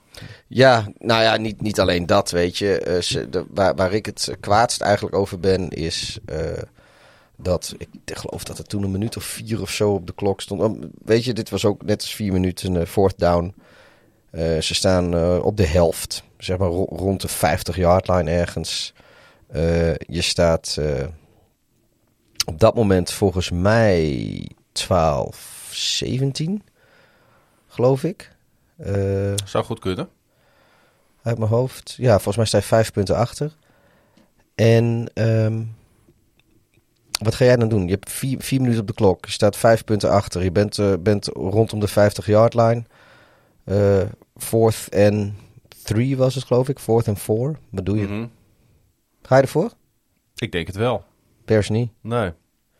En sterker nog, dat is sinds, ik geloof sinds 1999. Van alle punts die er sinds 1999 geweest zijn in de NFL, is dit, zit, zat deze bij eh, de 2,5 à 3 procent lafste Mm. punts die eh, mensen gezien hebben. Ik, eh, ik vond het echt achterlijk, want Heeft Vloes daar nog een verklaring voor gegeven? ja, hij zei van ja, luister. ehm, hij, hij wilde eigenlijk wilde die niet. hij was bang dat, dat als inderdaad als niet zou lukken, dat, dat de Giants eh, nog wel in field goal range zouden komen. Dat ze moeilijk had, moeite hadden om de Giants te stoppen. Eh, en als, dus zij hadden liever zoiets van, nou weet je, als we dan herkrijgen, wij krijgen de bal alsnog een keer terug. Nou, in feite is dat gebeurd, alleen die punt werd gemuffed. Exact. Eh, Ja. dus, en toen stonden de Giants in field goal range en die konden toen dus die wedstrijd beslissen. Maar Ja. dan denk ik, joh, gast, wat, wat denk je nou? Je staat al op de helft. Hm. Eh, dat betekent dat je nog maar het halve veld hoeft met al je timeouts en eh, probeer het gewoon. Ja, je want bent, je, want je bent zelfs laten bijna... we niet doen, laat niet doen als de Bears zo makkelijk dat veld aan het oversteken Nee. waren of zo. Dus dat ze op de helft waren was een prestatie. Je bent zelfs bijna in field goal range. Dus als je uit die drive drie punten haalt... eh, Zelf- ja. Dan heb je hetzelfde idee. Alleen dan hoef je geen touchdown en met een two-point conversion meer te maken. Maar alleen nog maar één andere Maar goed, ja, ik, ik had waar ik dus. ehm, ja, waar ik van Harbo zeg van nou, daar had, hij, daar had hij misschien wel op safe moeten gaan. Een fourth down met vier minuten nog wat op de klok vind ik van, van de Bears dat ze juist niet op safe hadden moeten gaan. Een fourth down met vier minuten Nee, op de klok. Ik denk ook dat je daar gelijk in En hebt. eh, dat, ja, zo zie je ook maar weer, weet je, dat, dat is ook nog geen eh, exacte wetenschap, maar het is allemaal eh. Want inderdaad, hoor, als, als de Bears in field goal range hadden gestaan in plaats van rond de 50-yard line met 4,5 minuten, had ik zo gezegd van, joh, die punten die komen zo lastig, pak gewoon die drie. Pak deze drie. Want voor hetzelfde geld eh fambelen zij de kick-off die je daarna doet. En sta je in één keer alsnog weer in de red zone. Weet jij veel vreemdere dingen gebeuren Ja, in de NFL? Precies. En die Batchley zat goed in de wedstrijd. Ja, dus hij is alweer on- eh, clubloos ondertussen. Ja, Carlos Santos die speelde niet vanwege privé eh, redenen. Ja, ik geloof dat, de, de, de, dat, dat dat iets te maken heeft met, met orkaan Ian in Florida. Hij is volgens mij ook meestal de hele offseasons is hij in Florida. En op het moment dat de boel daar misging, is hij in één keer weggegaan van de trainingen. En nu de boel daar weer enigszins genormaliseerd is, is hij weer terug op de trainingen. Dat dus zal met familie te maken hebben. ja, of, of, of, of misschien is zijn hele huis wel naar zijn moer gewaaid, Ja, weet ja, ik veel. Dus ehm, dat, dat is in ieder geval, eh, ze, ze hebben, het zijn un- undisclosed eh, eh, redenen, maar eh, het Nou ja, vermoeden onder de eh, fanbase is eh, dat het iets te Als je maken dit heeft seizoen nog weer eens een keer een kikker nodig hebt, dan weet je in ieder geval waar je aan moet kloppen nu. De Bij- Honey Badger. Bij, sorry, Michael- de, de Money Badger. De Money Badger. Michael Hey, eh, eens even terug naar die eh, gekke wildcard offense toestanden bij de Giants. Want tijdens die play stond Jones eh, wel veelvuldig op het veld. Maar was hij opgesteld als receiver, zodat hij de calls in zijn helm kon horen Ja. en kon doorspelen aan Barkley. Die dan de direct snaps kreeg van, van de centers. Hè, John, Ja. John Fe- Fe- Feliciano heet hij volgens mij, die center. Die, die trouwens erg goed speelde. Die het middelpunt was van een line. Die de Giants aan 262 rushing yards hielp. Eh, wat was er in vredesnaam met de run defense van de Bears aan de hand? Nou, die, eh, die hadden besloten, denk ik, vrij vroeg in de wedstrijd al van, nou weet je, wij gaan de edges gaan we niet containen.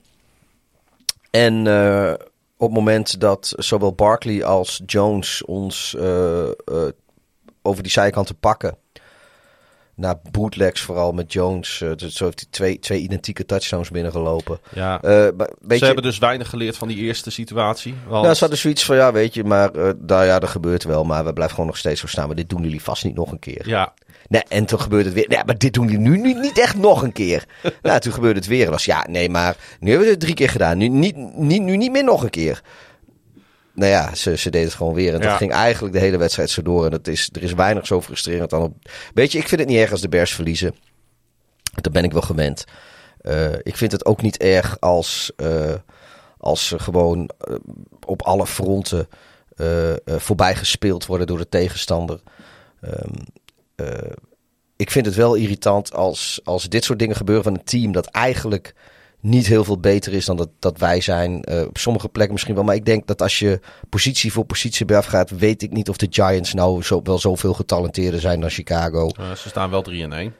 Ja, nou ja, dus weet je maar één, één wedstrijd verschil. Hè? Ja, ja, I know. Nee, maar goed. eh, nee, ik, ik, kijk, ehm, ik, dit is een wedstrijd die had je ook gewoon wel kunnen winnen als eh, met dezelfde spelersgroep. Zeker op het moment dat zij helemaal geen quarterbacks meer hebben, bijvoorbeeld. Ja, joh, daar moet je gewoon zelf van kunnen profiteren. En als je dan niet leert van de fouten die je, die je maakt eh, eh, Ja. en, en waar, hoe zij daarvan profiteren, als je daar niks op aanpast.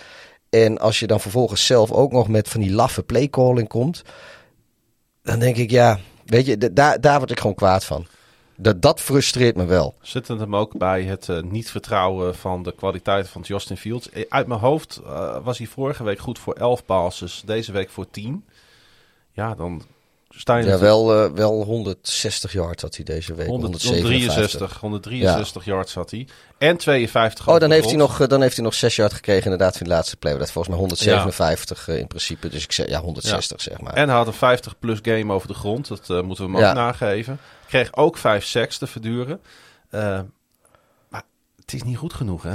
Nou, nee, ik, ik, eh, ik, ik wil ook, weet je, dit seizoen staat voor mij ook in het teken van eh, de ontwikkeling van Justin Fields. Ja, maar En- die wordt niet ontwikkeld, Pieter, op deze manier. En eh, ik heb ook. Nou, weet je, hij ontwikkelt zich ook niet. Ik, kijk, het is ook weer. Het mes snijdt ook weer aan twee kanten. Kijk, wat mijn, wat mijn, mijn grootste eh, frustratie hierin is ook dat. Als Justin Field wel de kans heeft om de play te maken, doet hij het vaak niet. Als er. eh, tuurlijk, weet je, de O-line is. Ik geloof dat hij heeft alweer de, de meeste seks en de meeste pressure rate heeft hij. Eh, bij dropbacks. Ik geloof iets 20% van zijn dropbacks is een sack of a quarterback hit. En dat zijn eh, getallen die komen niet eens in de buurt van, van de nummer 2. Want ik, die heb geloof ik iets van 10%. Dus dat even uit, uit mijn hoofd. Maar goed, dat, dat, dat, dat is heel bizar. En dat, inderdaad, dat is ook absoluut funest voor zijn ontwikkeling. Maar weet je, al, Maar er is ook geen... als, hij, als het dan een big play is, dan ziet hij niet. Maar of hij probeert het niet, of hij wacht te veel op die big play. Omdat hij te veel goed wil maken. Waardoor hij heel veel intermediate throws van spelers die wel vrij zijn. Van safety ziet hij niet. Of eh, daar is hij niet mee bezig. Of hij ziet het te laat. Eh, ehm, weet je, daar is, daar is nog heel veel te leren. Kijk, hij, hij, het is bij hem is het een beetje zo. Het is of, of een sack. Of het is een, een 40, 50 yard bom. Hm. En er zit weinig tussenin. En ik heb zoiets van, joh gast, het is alles leuk en aardig. Maar als je drie seconden de tijd hebt om een bal te gooien, want die heeft hij. eh, al dan niet met een scramble erbij. Flikker die bal dan gewoon 10 yard verder, man. Een laatste play met ongeveer 10 laterals leidde helaas voor de Bears tot niets. Maar het was wel spectaculair om te zien. Dat was wel even de mooiste plays van het weekend, hebben- daar uiteindelijk. hebben we nog wel even van genoten met elkaar eh, in het proeflokaaltje. Misschien ook wel de langste play eh, in, in, van het seizoen. Want het duurde geloof ik 33 seconden of zoiets. Ja, nou, die Kyler Murray kon er toen ook wat van, hè, twee weken geleden. Dus die zal in de buurt komen. De Bears spelen opnieuw een uitwedstrijd tegen de Vikings in Minnesota. En de Giants, die spelen in Londen tegen de Packers. Waarom kregen de Bears nou dit liedje niet? Omdat ik hem eh, meer bij het eh, 4-0 team vind passen. Ik heb hem ook niet aan de Ravens gegeven. Ik zag een foto van Lane Johnson. Die eh, nog na zat te rillen van de alsmaar vallende regen in Philly met op zijn neus een open wond. Je zou, Mijn, mijn neus is ook een open kont. Maar neem meer een open snotklier. je zou de lineman de personificatie kunnen noemen van deze Eagles. Want makkelijk was deze niet. Het was natter dan nat, smerig en vooral heel hard knokken. Beuken. Zo renden de Eagles de bal 50 keer voor 210 yards tegen de number one rush defense in de league. Miles Sanders noteerde zelfs een career high 27 carries voor 134 yards en 2 touchdowns. A grinder of a game. Al dus center Jason Kelce. En dat na een 14-0 achterstand. Mooi was het niet altijd, maar het zit wel goed met de ziel van deze Philadelphia Eagles, die het enige ongeslagen team in de NFL zijn. Bij de Jaguars ook genoeg positiefs, maar deze tegenstander straalt momenteel iets onverslaanbaars uit. Ja, ehm, ik ben het daarmee eens dat de Eagles op dit moment eh, iets, iets, iets hebben. Die, die spark die je soms niet helemaal kan vastpakken in een statistiek. Maar weet ik niet. Ik vind, ze niet eh, ik vind ze niet soeverein of onverslaanbaar op het veld. Er zijn andere teams die ehm, minimaal al één keer verloren hebben. Of die zelfs in een verliespartij, denk ik, er nog eh, ongenaakbaarder haast uitzien dan, eh, dan deze Eagles. Maar ja, ze pakken wel steeds de overwinningen en dat, dat telt. Ja, dat, eh, dat, dat onverslaanbare, dat, dat, dat bleek wel uit een aantal statistieken, vond ik. Ehm, bijvoorbeeld uit de vier sacks door de defense tegen een quarterback en offensive line. Die in de eerste drie weken een league low 1,7% pressure rate had toegestaan. En slechts twee, twee sacks. Eh, Lawrence die werd afgelopen zondag op bijna 15% van zijn dropbacks gepressured. Ja, O-lines, dat kunnen ze in Philadelphia wel. Ja. En die lines ook. Eigenlijk zit het met allebei die lines wel goed, hè? Maar dat geldt eigenlijk ook wel voor Jacksonville. Maar eh, ik denk dat het verschil in deze wedstrijd zat in het feit dat twee van die sacks uitmonden in forced fumbles. Eh, waaronder een game winner, dankzij de duur betaalde Hazen Reddick. Iemand eh, dropte zijn naam al op de tijdlijn eh, bij ons. Dat hij toch wel echt een heel een waanzinnig seizoen bij Philadelphia aan het draaien is. En die andere grote defensive play was een red zone interceptie van James Bradbury. Ik noem hem eigenlijk iedere week, want ik ben enorm fan van hem. En zo forceerden de Eagles in totaal vijf turnovers. Ja, en dan kun je een wedstrijd winnen. Dan kun je een wedstrijd winnen. Eh, ja, ze zijn bezig met een indrukwekkend seizoen, Pieter. Eh, ze zijn niet alleen 4-0, maar eh, hebben eigenlijk die, die wedstrijden, die vier wedstrijden, allemaal op, op verschillende manieren gewonnen. Dus dat geeft ook wel de veelzijdigheid van dit team aan. Ze kunnen hem winnen met de passing game, met de running game, met hun pass coverage, met hun pass rush. Terwijl ze bij de tegenstander de run heel goed kunnen stoppen en turnovers kunnen forceren. Ze zijn ondertussen vierde in offensive DVOA, derde in de eh, defensive DVOA en tweede overall. Eh, AJ Brown is een ideale fit gebleken. En ik vind ook dat zijn aanwezigheid geen rem is op de ontwikkeling van Devonta Smith. Ik vind het zelfs dat, dat zijn ontwikkeling daardoor versterkt wordt. En ik zag een model bij die Athletic waarin de Eagles Super Bowl favoriet zijn en favoriet in iedere wedstrijd die ze nog moeten spelen dit jaar. Ze moeten nog spelen. Cardinals, Cowboys, Steelers, Texans, Commanders, Colts. Dus zover ga ik wel mee. Dan hebben ze Packers, Titans, Giants, Bears, Cowboys, Saints, Giants. Ze hebben echt een knakenprogramma. Want, eh, kijk, we doen wel 4-0 alsof het helemaal geweldig is. Maar ze hebben Lions, Vikings, Commanders en Jaguars. Eigenlijk zijn de Vikings het enige fatsoenlijke team waar ze er tegen gespeeld hebben. Nou, dat ben ik niet met je Nou ja, eens. goed, dan, doe je Jacksonville echt tekort op dit moment. Ja, eh, maar ook van eh, de Jaguars vind ik dan weer... die hebben ook niet zo'n enorm eh, geweldig moeilijk programma gehad. Want die hebben de Commanders, nou, de Colts... Nou, die zijn, de Chargers is eigenlijk hun knapste overwinning. Maar ze verliezen bijvoorbeeld van de Commanders. Ja, die, Die- hebben ze verloren, dat klopt. Eh, weet je, het is... Kijk, het zijn geen... Ik zeg niet dat Jacksonville een slecht team is. Maar het is, het is niet een, een team waar niet van te winnen. Ik, de, de, de, de Eagles... En daar kunnen ze niks aan doen, want het programma is het programma. Maar ze hebben eigenlijk nog geen... eh, eh, ja, de, de- op papier zijn de Vikings misschien het zwaarste team die ze gehad hebben. Maar ze hebben gewoon een verschrikkelijk makkelijk programma op papier. Nou, sterker nog, eh, eh, de- het is voor de Vikings de enige pot geweest die ze verloren hebben. Ja, Ik weet wel, ik snap wel wat je wil zeggen. En ik, ik ben het ook Dus- wel deels dus- met je eens. dus maar ik, ik wil- vind echt dat je eigenlijk toch de Eagles. Want het, is, het, het team is wel aan het, aan het, aan het grinden hoor. Het ja niet, nee. Nou, nou maar precies. Maar ook dat, in dat weer gisteren, joh. Nee, maar weet je, dat, dat, dat, kijk, dat, dat ze, ze, ze, ze zijn, eh, als, nou ja, eh, wat ik zeg, Cardinals gaan ze winnen 5-0, Cowboys kunnen zomaar winnen, kan 6-0, Steelers 7-0, Texans 8-0.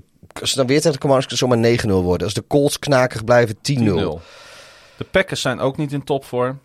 Nee, maar als je dan, dan, dan wordt het bij twee wat pittige wedstrijden. Tenminste, als het seizoen zo loopt zoals het waarschijnlijk loopt met de Packers en de Titans.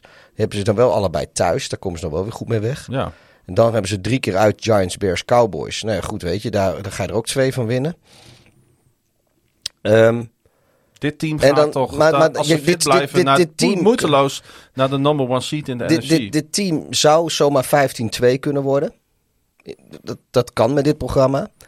Maar eh, ik denk van, eh, het is dan... En weet je, maakt geen reet uit, want 15-2 is 15-2. Maar ik denk dat het dan wel een van de minder, minste 15-win teams in de geschiedenis van de moderne NFL is. Dat denk ik wel. Ik zeg niet dat ze niet goed zijn, want weet je, je moet winnen. En je, het programma is het programma, daar heb je geen invloed op. En de wedstrijd die je speelt moet je winnen. Maar ik vind dat, eh, eh, ondanks dat ze steeds winnen, heb ik, hebben ze niet een statement win gehad nog. En ze hebben ook niet de, eigenlijk de kans op een statement win met hun programma.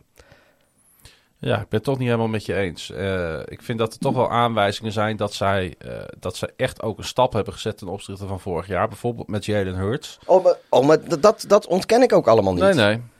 Ik, alleen, ik denk alleen dat, eh, dat als zij dus, ook al wordt het 13 of 14 overwinningen, dat dat eh, mede het product is van natuurlijk van dat programma. Er zitten eigenlijk geen statements over. Wedst er zitten weinig wedstrijden in om, om, om zich te bewijzen. Ik hoop dat, eh, dat de Cowboys eh, zo door blijven gaan. Dat dat spannend wordt. Dat tegen die tijd misschien Dak Prescott weer terug is. en dat dat gewoon vuurwerk Nou ja, wordt. Op, de, op dit moment zijn de Cowboys natuurlijk eigenlijk... En ik ben, ben de Giants een beetje aan het hypen. Maar eigenlijk zijn de Cowboys natuurlijk het enige team wat ze in de divisie kan bedreigen. Ja, en daar hoop ik dan ook een beetje op. Niet dat het mij veel uitmaakt of het nou de, de Eagles of de Cowboys zijn die die divisie winnen. Dat is me echt om het even. Het gaat mij er vooral om dat, eh, dat ik wil spanning zien.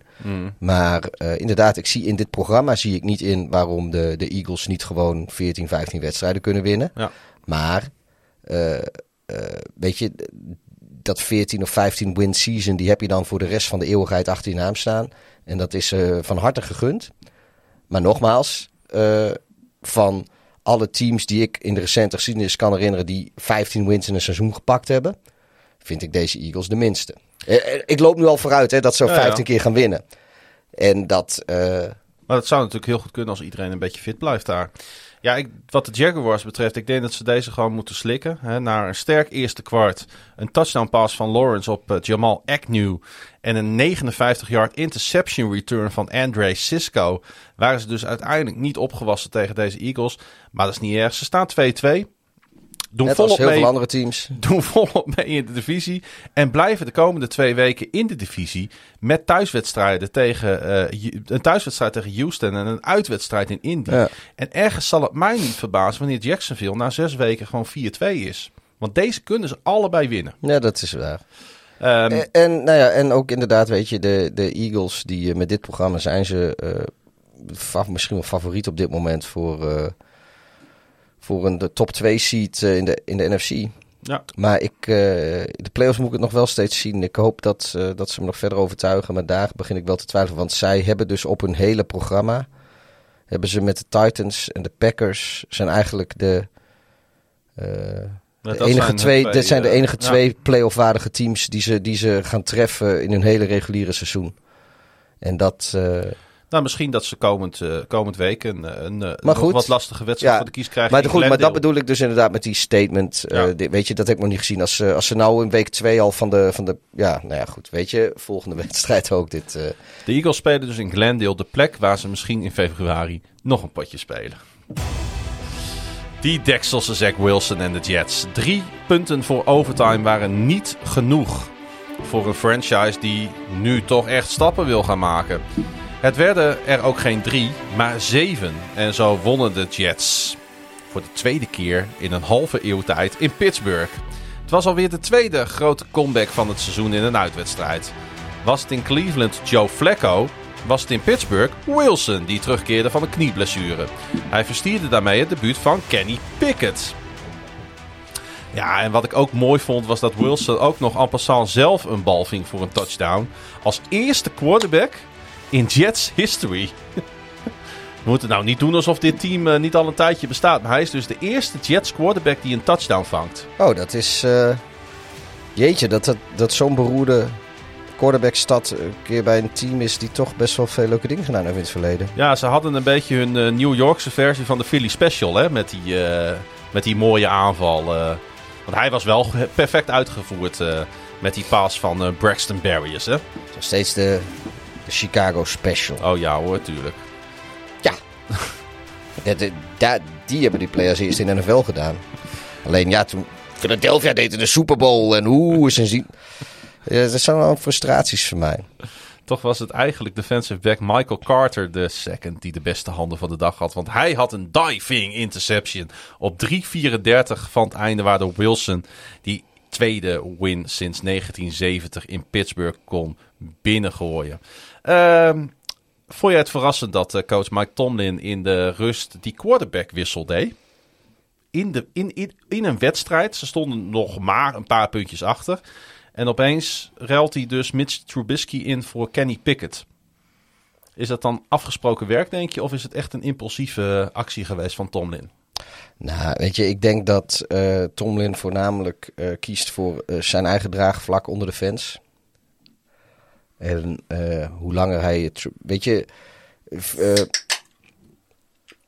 ze hebben natuurlijk heel, heel, heel lang Roethlisberger gehad in, in, in Pittsburgh. Maar zodra daar een quarterback is die niet zo overtuigend is. En dat hebben we ook wel gezien als op het moment dat Roth- een aantal wedstrijden geblesseerd was. En daar bijvoorbeeld.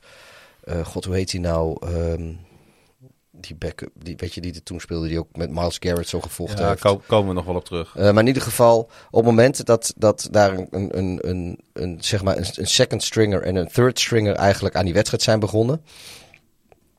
eh, dan is de populairste quarterback in, eh, in Pittsburgh is de backup. En dat is ook met Trubisky zo. Weet je, Trubisky kan de starter zijn, dan is de, de populairste is de backup. Je bedoelt trouwens Mason Rudolph. Mason Rudolph. Ja. Ja, nou dat is inderdaad ook zo'n speler, weet je, die was niet. eh, Hoef je, hoef, hoef je geen fan van te zijn. Nee. En eh, ja, op het moment dat dan Trubisky ook niet heel overtuigend speelt, Ontzettend statisch. ja, dan, eh, dan, wordt, dan, dan, dan maak je het ook wel heel makkelijk. En het was wel grappig, want hij liet natuurlijk aanvallend wel gelijk zien hè, eh, wat hij kan. Want hij, hij is de eerste quarterback in NFL history. Zijn allemaal van die leuke feitjes in deze wedstrijd. De eerste quarterback in NFL history die twee touchdowns binnenrent in zijn eerste wedstrijd. De tweede was een eh, twee-yard scramble, waardoor de Steelers een 20-10 voorsprong pakten. Met nog eh, zo'n 14 minuten op klop. Maar Pieter, er waren ook fouten, hè? Want alle drie incompletions van Pickett. Dus hij had drie incompletions in deze wedstrijd. Maar alle drie belanden in de handen van een Jet. Ja, Waarvan de laatste natuurlijk die Hill Mary was. Dus die mag je misschien niet helemaal meerekenen. Maar goed, hij moet hem wel gooien. ja maar werd, die eh, reken ik op die, eh, die manier ook niet mee. Want dat is, dat Nee. is gewoon echt eh, bewust. of nee, nee, je gooit niet bewust een interceptie. Maar je gooit dan gewoon een bal waarvan je gewoon weet. Maar het is wel een bizarre statistiek dat je aan de ene kant ben je dus de eerste quarterback in, in, in, in franchise history, nou, in, in league history, die twee touchdowns binnenrent in zijn eerste wedstrijd.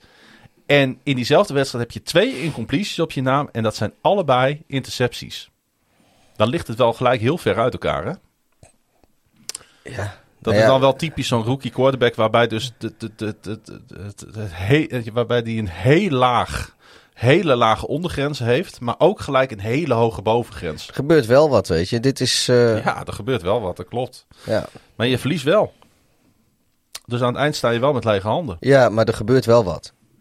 En eh, je kan beter verliezen met, eh, met dat je wat spektakel hebt gezien en kans had op meer.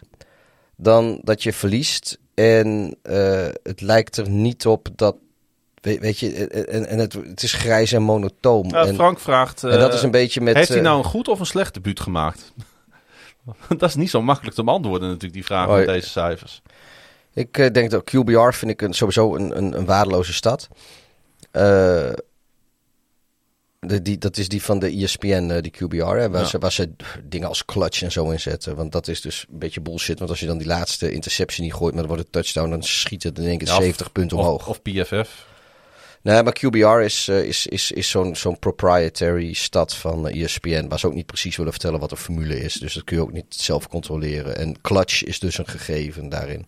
Wat, wat, en dat, ik hou niet van subjectieve statistieken. Dus, maar los daarvan, ehm, ja, hij heeft een goed debuut gemaakt. Want ik weet zeker dat ondanks een nederlaag eh, heel Pittsburgh eh, nu met plezier, of nou ja, plezier, in ieder geval halsrijkend uitkijkt naar zijn volgende wedstrijd.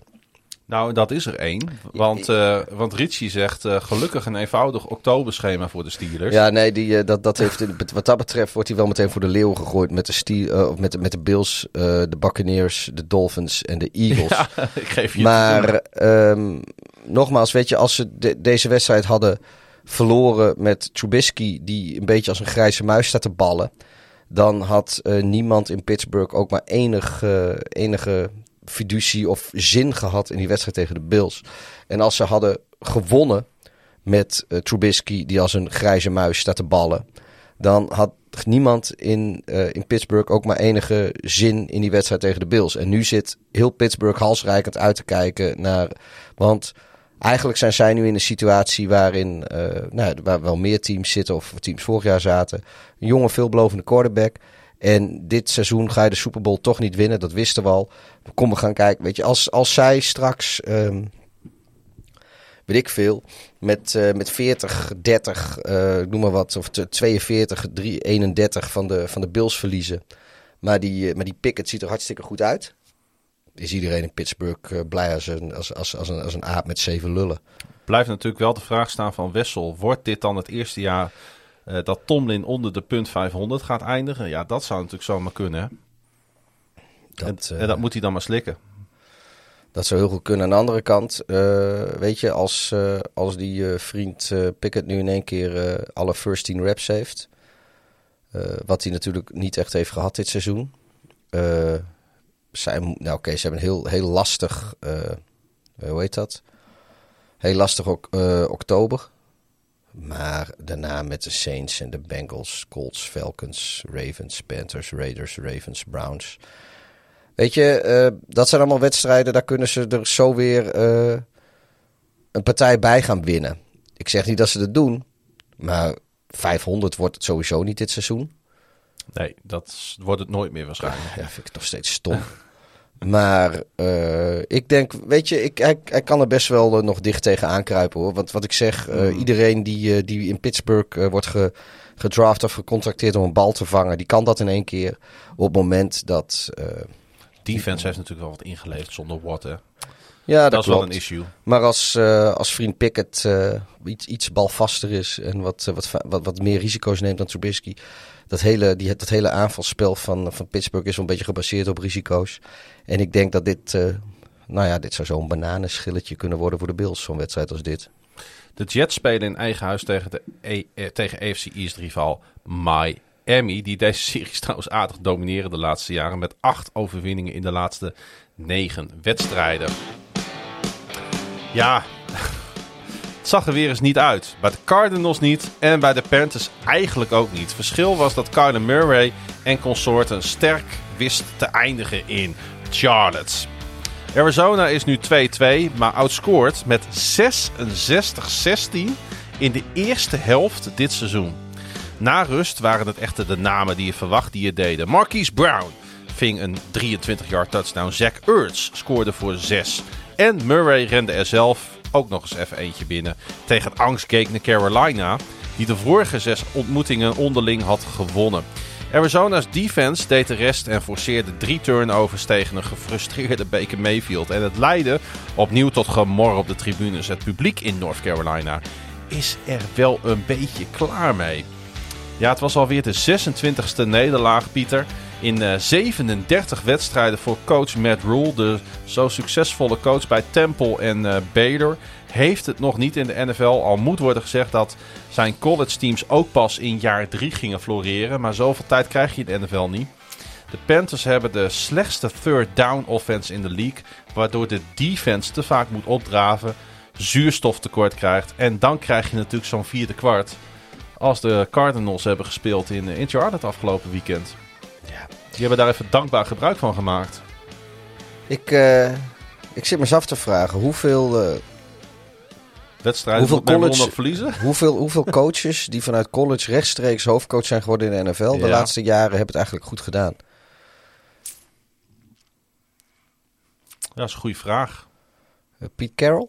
Maar die, dat heeft ook wel een poosje geduurd Pete Carroll mij. heeft natuurlijk een geweldige staat van dienst ge- gehad in, die in is vol- college. Ja. maar die is. eh eh nou heb je natuurlijk Harbo heeft met, eh, met, met San Francisco Ja. eh, eh, de Super Bowl gehaald. Jim. Ja, Jim. De, dus de, de Mhm. Harbo die nu bij Michigan zit, niet, eh, niet te verwarren met, eh, met John die in Baltimore eh, de scepter zwaait. Ah, de meeste succesvolle coaches komen nu natuurlijk uit eh, coachingbomen van andere teams. Nou, ik zou, ja, maar ik, weet je, ik zou ook zeggen van misschien kun, kun je beter, dus als, je, als je een poosje meekijken in de, in de NFL, weet je, dan, dan kom je dus, noem maar wat, dan ben je de quarterback coach geweest bij de Chiefs. ja, Sorry. geeft niet. En in plaats dat je dan meteen eh, een offensive coordinator of een hoofdcoach job neemt in de NFL, ga je misschien eens offensive coordinator worden in de in college of zo, weet je. Ga je daar eens eh, onder een ervaren collegecoach daar en dan ga je daar eens een paar jaar hoofdcoachen en dan ga je dan eens weer terug naar de NFL en dan word je dan daar eens offensive coordinator en dan pas een keer hoofdcoach. Weet je, het verschil tussen college en NFL is gewoon echt levensgroot. Ja. En iedere keer opnieuw zie je gewoon dat, eh, dat heel veel dingen misgaan. Maar ook dat heel veel coaches die misschien wel talentvol zijn, eh, gewoon niet de tijd of aan de bak komen. Dat is misschien gewoon zonde. Ja, ja, het is in ieder geval zonde voor de Panthers. Want eh, het verlies van afgelopen zondag was alweer de tiende in elf wedstrijden. En tijdens dat vierde kwart stroomde het stadion leeg. Er zat echt bijna niemand meer op de tribunes. Ja, behalve dan natuurlijk dan de, de, de Cardinals fans. En de mensen die achterbleven, die riepen op het ontslag van Rule. En je zou zeggen dat het niet meer lang kan duren. Al weten we natuurlijk ook wat voor vuistdiep contract die Rule heeft bij, eh, bij de Panthers. Ja, wie geeft hem dat ook? Doe normaal. Ja, die Tapper, die clown van een, eh, van een, eh, van een eigenaar. Hè? Ehm, ik denk dat de Panthers de slechtste offense uit de, in de league hebben op dit moment. En ik ben eigenlijk ook wel een beetje teleurgesteld eh, in Mayfield. Die, eh, ja, eh, van achter toch wel een aardige O-line echt heel erg weinig klaarspeelt. Ik vind het echt wel teleurstellend. Ik had wel wat meer verwacht eigenlijk van de Panthers en van, van Mayfield en die O-line. Ik zie dat, dat hij eh, Mayfield 187 yard per wedstrijd doet. Ja, maar dan ben je een van de slechtste quarterbacks in de league, Pieter. Volgens mij heeft, eh, heeft vriend Fields heeft er 304. Ja, bij elkaar opgeteld. Ja, Field staat, staat ook ergens onderaan. Nou nee, die, die staat gewoon, weet je, hier staat iedereen. Staat En dan, en Fields. dan heb je gewoon echt heel lang niks. En dan, nou ja, weet je, wij zitten hier op de zolderkamer en Fields staat er nergens bij aan de kruipruimte. Maar, eh, Helaas wel, jongen. ach nee, weet je, ik ben allemaal wel gewend. Ja, heb je trouwens die vechtpartij nog gezien in deze wedstrijd? Ja, die was op, eh, Met die Frankie Louvu. die was op, eh, op, op, op tv. Ja, volgens mij was die nog op Red Zone toen Ja. we nog bekeken. Want dit was een latere wedstrijd, dit volgens mij. Nee, was vroege was wedstrijd. het wel een vroege? Oh, dat weet ik wel. Nou ja. Hoewel. Je Volgens zou- mij was ja, dit een laat. late window. Dat is late window, inderdaad. Ja, ja die Frank Louvu, die slamt daar die James Conner eh, op, een, op een belachelijke manier weg. Ik, aan de ene kant zo'n speler als Louvu, die ze nu hebben bij de Panthers. Ik hou wel van hem. Want hij, hij speelt, weet je, op zo'n Max Crosby-achtige manier gaat hij de hele wedstrijd tekeer. Maar dat betekent dus ook dat dat een speler is die af en toe over de schreef gaat. Ja. Ja, en dan komt er weer een andere speler, komt voor Connor op. Die loopt per ongeluk een beetje soort van ongeluk in de rug van de scheidsrechter. En die wat, wordt dan vervolgens geëject eh, in deze wedstrijd. Is altijd, voelt altijd een beetje oneerlijk, hè? Ja, ik, eh, ik heb dan ook wel gezegd, jongen, pak gewoon die tv-beelden erbij. Ja. En dan denk dat ik denk dan van ja, eh, stuur eh, die Louvu ook gewoon weg. Maar dat zal wel aan mij liggen. Gewoon iedereen. Ook de spelers die erop reageren. Ja, misschien wel. Kijk, weet je, als ik jou een, eh, als ik jou een tik geef en jij geeft mij een duw terug, nou ja, dan word ik geëject. Als je mij een tik teruggeeft, worden we allebei geëject. Maar als er iemand van de bank afvliegt om jou weer een tik te geven, die ook gewoon ejecten. Ja, Gewoon klaar. ja. Weet je, de instigator, wat Maar mij betreft ze dus altijd. nooit in de NFL. Nee, maar de instigator, wat mij betreft altijd. Kijk, en als ik jou een klap geef en je geeft mij een duwtje of, of, of weet ik veel wat, nou, dat kan. Maar als jij me terugslaat, nee, dan ga je er ook gewoon af. Nou ja, goed, weet je, la, laten we het ook... eh, stiekem vinden we het allemaal wel een beetje, een beetje leuk om naar te Ik kijken. vind het eigenlijk wel een beetje mooi inderdaad. Hey, Sam Darnold is nog niet terug van een enkel blessure. Dus die wissel is geen optie. Met, met, eh, met Coral, die staat op, eh, op, ook op IR. Golden Corral. Die ehm, kan dus ook niet spelen. Dus de enige optie die ze zouden hebben is om het weer met die Peter Walker te proberen. Maar dat betekent wel dat de situatie vrij uitzichtloos is voor de Panthers. Hè? En dan moeten joh, ze ook gewoon- nog eens naar San Francisco komen. Gewoon lekker, eh, lekker met, eh, met Mayfield, jong. Voor de Cardinals was deze tegenstander een, eh, een fijne break. En het brengt wat rust daar in de tent. Ze ontvangen zondag echter de High Flying Eagles in State Farm Stadium. Ja, het ging weer eh, moeizaam voor Aaron Rodgers en de Packers. Maar de rebound was op zich ook wel weer indrukwekkend. En het zorgde voor een benauwde overwinning op de Patriots. Die op eh, quarterback moesten terugvallen op ene Bailey Zappi. Die eh via de ronde draftpick van New England dit jaar. Hij verving Brian Hoyer, de destroyer die Mac Jones weer verving. De zege voor Green Bay kwam na een eerste helft waarin Rodgers 4 uit 11 was voor 44 yards en een 11.2 passer rating. Mede door een 40-yard interception return door, en jij hebt hem natuurlijk al voorgedragen aan het begin van deze aflevering, New England's Jack Jones. Jackie. Goeie naam ook, hè? Jack Jackie Jones. Ja, ik vond eigenlijk dat die Zappi en de Patriots eigenlijk best wel een prima wedstrijd speelden. Een goede naam hoor trouwens, Bailey Zappi. Ja, ook. Het is geen Cooper Rush, maar Bailey Zappi is wel de, de op één na beste quarterbacknaam dit seizoen, denk ik. Ja. Die we tot nu toe gespeeld eh, hebben zien spelen. Agree. Mooi, dus hebben we daar geen ruzie over. Maar eh, iedereen weet dat wanneer Rodgers thuis speelt, eh, speelt tegen een AFC-team, dat hij uiteindelijk meestal de winnaar is. Hè? Want dan is hij erg goed. De Packers zijn nu 3-1 en 18-1 in de laatste Is die, 19 eh, thuiswedstrijden Is tegen die, is AFC-teams. die ene wedstrijd, is dat die shutout tegen de Ravens? Ja, ik denk het wel. Of speelde Rodgers toen niet? Of speelde Rodgers toen niet? Nee, die speelde toen niet. Ja, dan is dat denk ik niet de ene. Dan Dat was zou- die 20-0 of zo. Ja, eh, jullie hebben toen een keer die 30-0, shutout gehad. Maar dat was volgens mij met... eh, met eh, God, hadden ze daar ook zo'n zo'n zo'n Huntley of zo. Die heette toen ook... Niet jullie Huntley. Nee, maar- Finley, volgens mij. Nee, ze hadden, zij daar ook een Huntley gehad. Alleen dat is niet jullie Huntley geweest. Een andere Huntley. Ik moet je even schuldig blijven welke pot dat dan is geweest. Dus Dat ga ik nog wel even uitzoeken. Seizoen 2018 was dat, denk ik. welke wedstrijd Aaron Rodgers dus thuis van een AFC-team heeft verloren. 2017 was dat. Dat, dat die shutout was. Ja. Ja, maar dat was dus niet tegen Rodgers. Nee, maar... Dus het gaat, het gaat om Aaron Rodgers, hè? Ja, nee, precies. Volgens mij was dat toen Huntley. Ja, maar dat maakt dus niet uit. Want Nee, deze staat nee maar goed, nee, maar dat, dat bedoel ik dus. Volgens Ja, mij speelde Huntley toen. dat Dat, klopt. Dat, dat, dat bedoel ik alleen. Ehm, ja, MK zegt dan ook een verdienstelijk debuut van Zappi. Eh, helemaal mee eens. Eh, maar het ging natuurlijk door de lucht wel een beetje moeizaam voor New England. Eh, dus met name de ground game werd eh, bepalend voor de Pets. Zeker dus toen Hoyer van het veld moest. Maar de Packers die waren met 199 yards over de grond. Waarvan 110 voor Jones natuurlijk ook prima bezig. Ja. Even nog eh, voor, voor, de, voor eerst en altijd. Het was Joe Flacco tegen Brad Huntley. Oké, bij deze. Ehm, ik weet niet of je het hebt meegekregen, maar er zat natuurlijk één heel opvallend moment in deze wedstrijd, eh, Pieter. Want ook hier waren weer zwalende zebra's. eh, die een delay of game penalty totaal misten. Dat was echt een eh, heel ja, maar daar, raar daar, moment. daar scoorden de Patriots toch uit? Daar scoorden de Patriots Ja, inderdaad. dat- dus, dan is het toch geen fout? dus jij vindt het geen fout. Nee, ik, Maar- ik heb dat niet gezien. Bizar moment. Want, maar ik vind het wel ehm, een keer goed dat Green Bay een delay of game, delay of game penalty gemist wordt. Dat ze er een keer last van hebben. Want ze doen er zelf eh, vier of vijf eh, per wedstrijd die ze meekrijgen. Ja, Ze eh, spelen erop. Ik snap wat je bedoelt, Pieter. Maar ik moet hier toch even ingrijpen. Want Nou, nee, want, nee, want de, de regel is dat de, de scheidsrechter Nee. die kijkt naar de klok. En als de klok op nul staat, kijkt hij naar de bal. En als de bal dan nog niet gesnapt is, is de delay of game. Maar je kan dus nadat de klok naar nul gaat, kun je die bal snappen. En Green Bay speelt daarop. Dus het is technisch gezien delay of game. Alleen met de manier waarop ze het constateren, daar maakt Green Bay misbruik van. Dat kun je slim noemen. Dat is het ook, want ze krijgen die penalties niet. Maar dat is dus... maar het ging hier natuurlijk over de Patriots die dat hadden. ja, nee, oké. Maar ik wil alleen maar zeggen, ze spelen erop. En Ja, dat ja. is gewoon zo. Dat is gewoon een kwaliteit, want zij doen dat op die manier. Eh, alleen eh, de Patriots speelden daar niet op. Want wat werd er verklaard na afloop? De scheidsrechter dacht namelijk dat de klok opnieuw gesetteld moest worden. En floot daarom niet. Dus die dacht dat eh, er opnieuw weer 40 seconden in ging.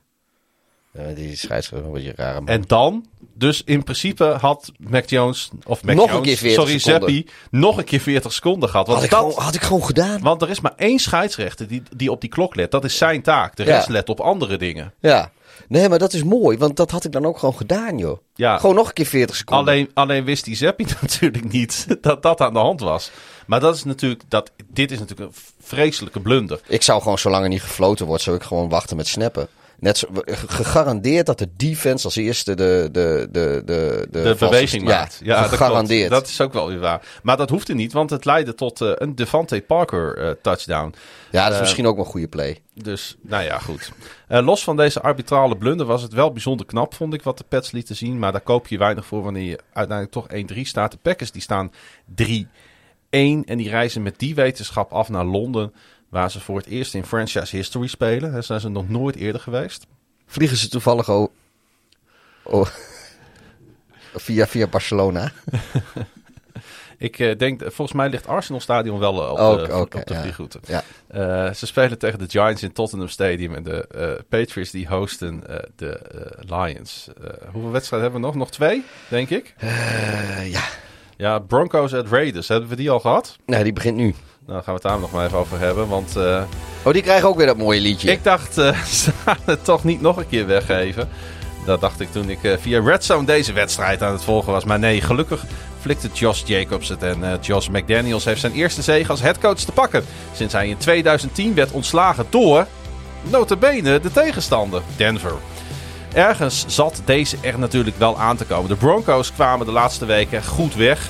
En de Raiders zijn eigenlijk beter dan hun 0-3 record, vond ik in ieder geval, voorafgaand aan deze wedstrijd. Jacobs rende voor een career high 144 yards en twee touchdowns. En Amik Robertson returnde een fumble voor 68 yards en een score. Ja, was het perfect? Nee, maar deze Raiders die stralen wel wat uit, hè. En dat eh, was afgelopen weekend niet anders. Eh, ze gingen hoe dan ook niet verliezen. Max Crosby nam twee van Las Vegas drie sacks voor zijn rekening. En de defense deed net genoeg om Denver achter zich te houden. Ondanks dat Wilson misschien wel zijn beste wedstrijd van dit seizoen speelde. Maar eigenlijk niet goed genoeg. Nee. Het valt allemaal een beetje tegen, hè, wat Wilson laat zien. Ik heb Denver. helemaal niks meegekregen van deze wedstrijd, moet ik eerlijk zeggen. En ik zal het nog eerlijker met je zijn. Ik dacht dat ik, ik dacht verkeerde ook echt een veel dat de Broncos dit gewonnen hadden. Ja, dit ja. is de enige wedstrijd waar ik niks van mee heb gekregen, Dat die me ook niet boeide. Nou, dat komt omdat het een late wedstrijd was en jij de kroeg in ging. Ja, nee, dat weet ik wel. Maar die andere wedstrijden heb ik allemaal nog, eh, nog zitten volgen. Maar hier, ja, het enige wat ik heb meegekregen is, is eh, inderdaad dat Wilson een goede wedstrijd had gespeeld. En, en, en dat hij wat, eh, wat leuke ballen had gegooid. Dus ik denk, nou, misschien is het toch een keer gewonnen. Maar dit is dus helemaal niet zo. Nee. En ik was denk ik tegen die tijd op een gegeven moment ook wel cijferblind. Dat ik 23, 32, dat ja...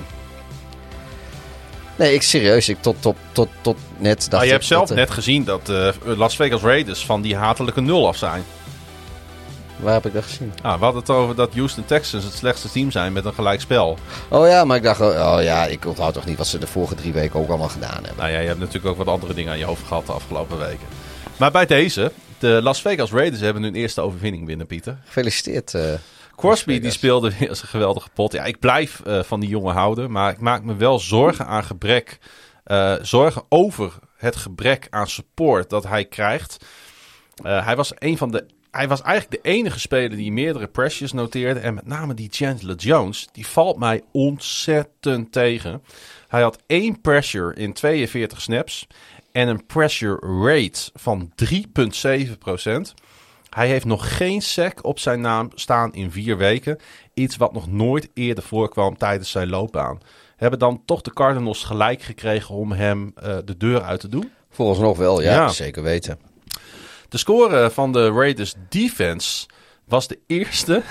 Dus de Raiders defense die maakte een touchdown. En dat was de eerste defensive score sinds Eric Harris dat de, een pick 6 had tegen de Chargers op 7 november 2019.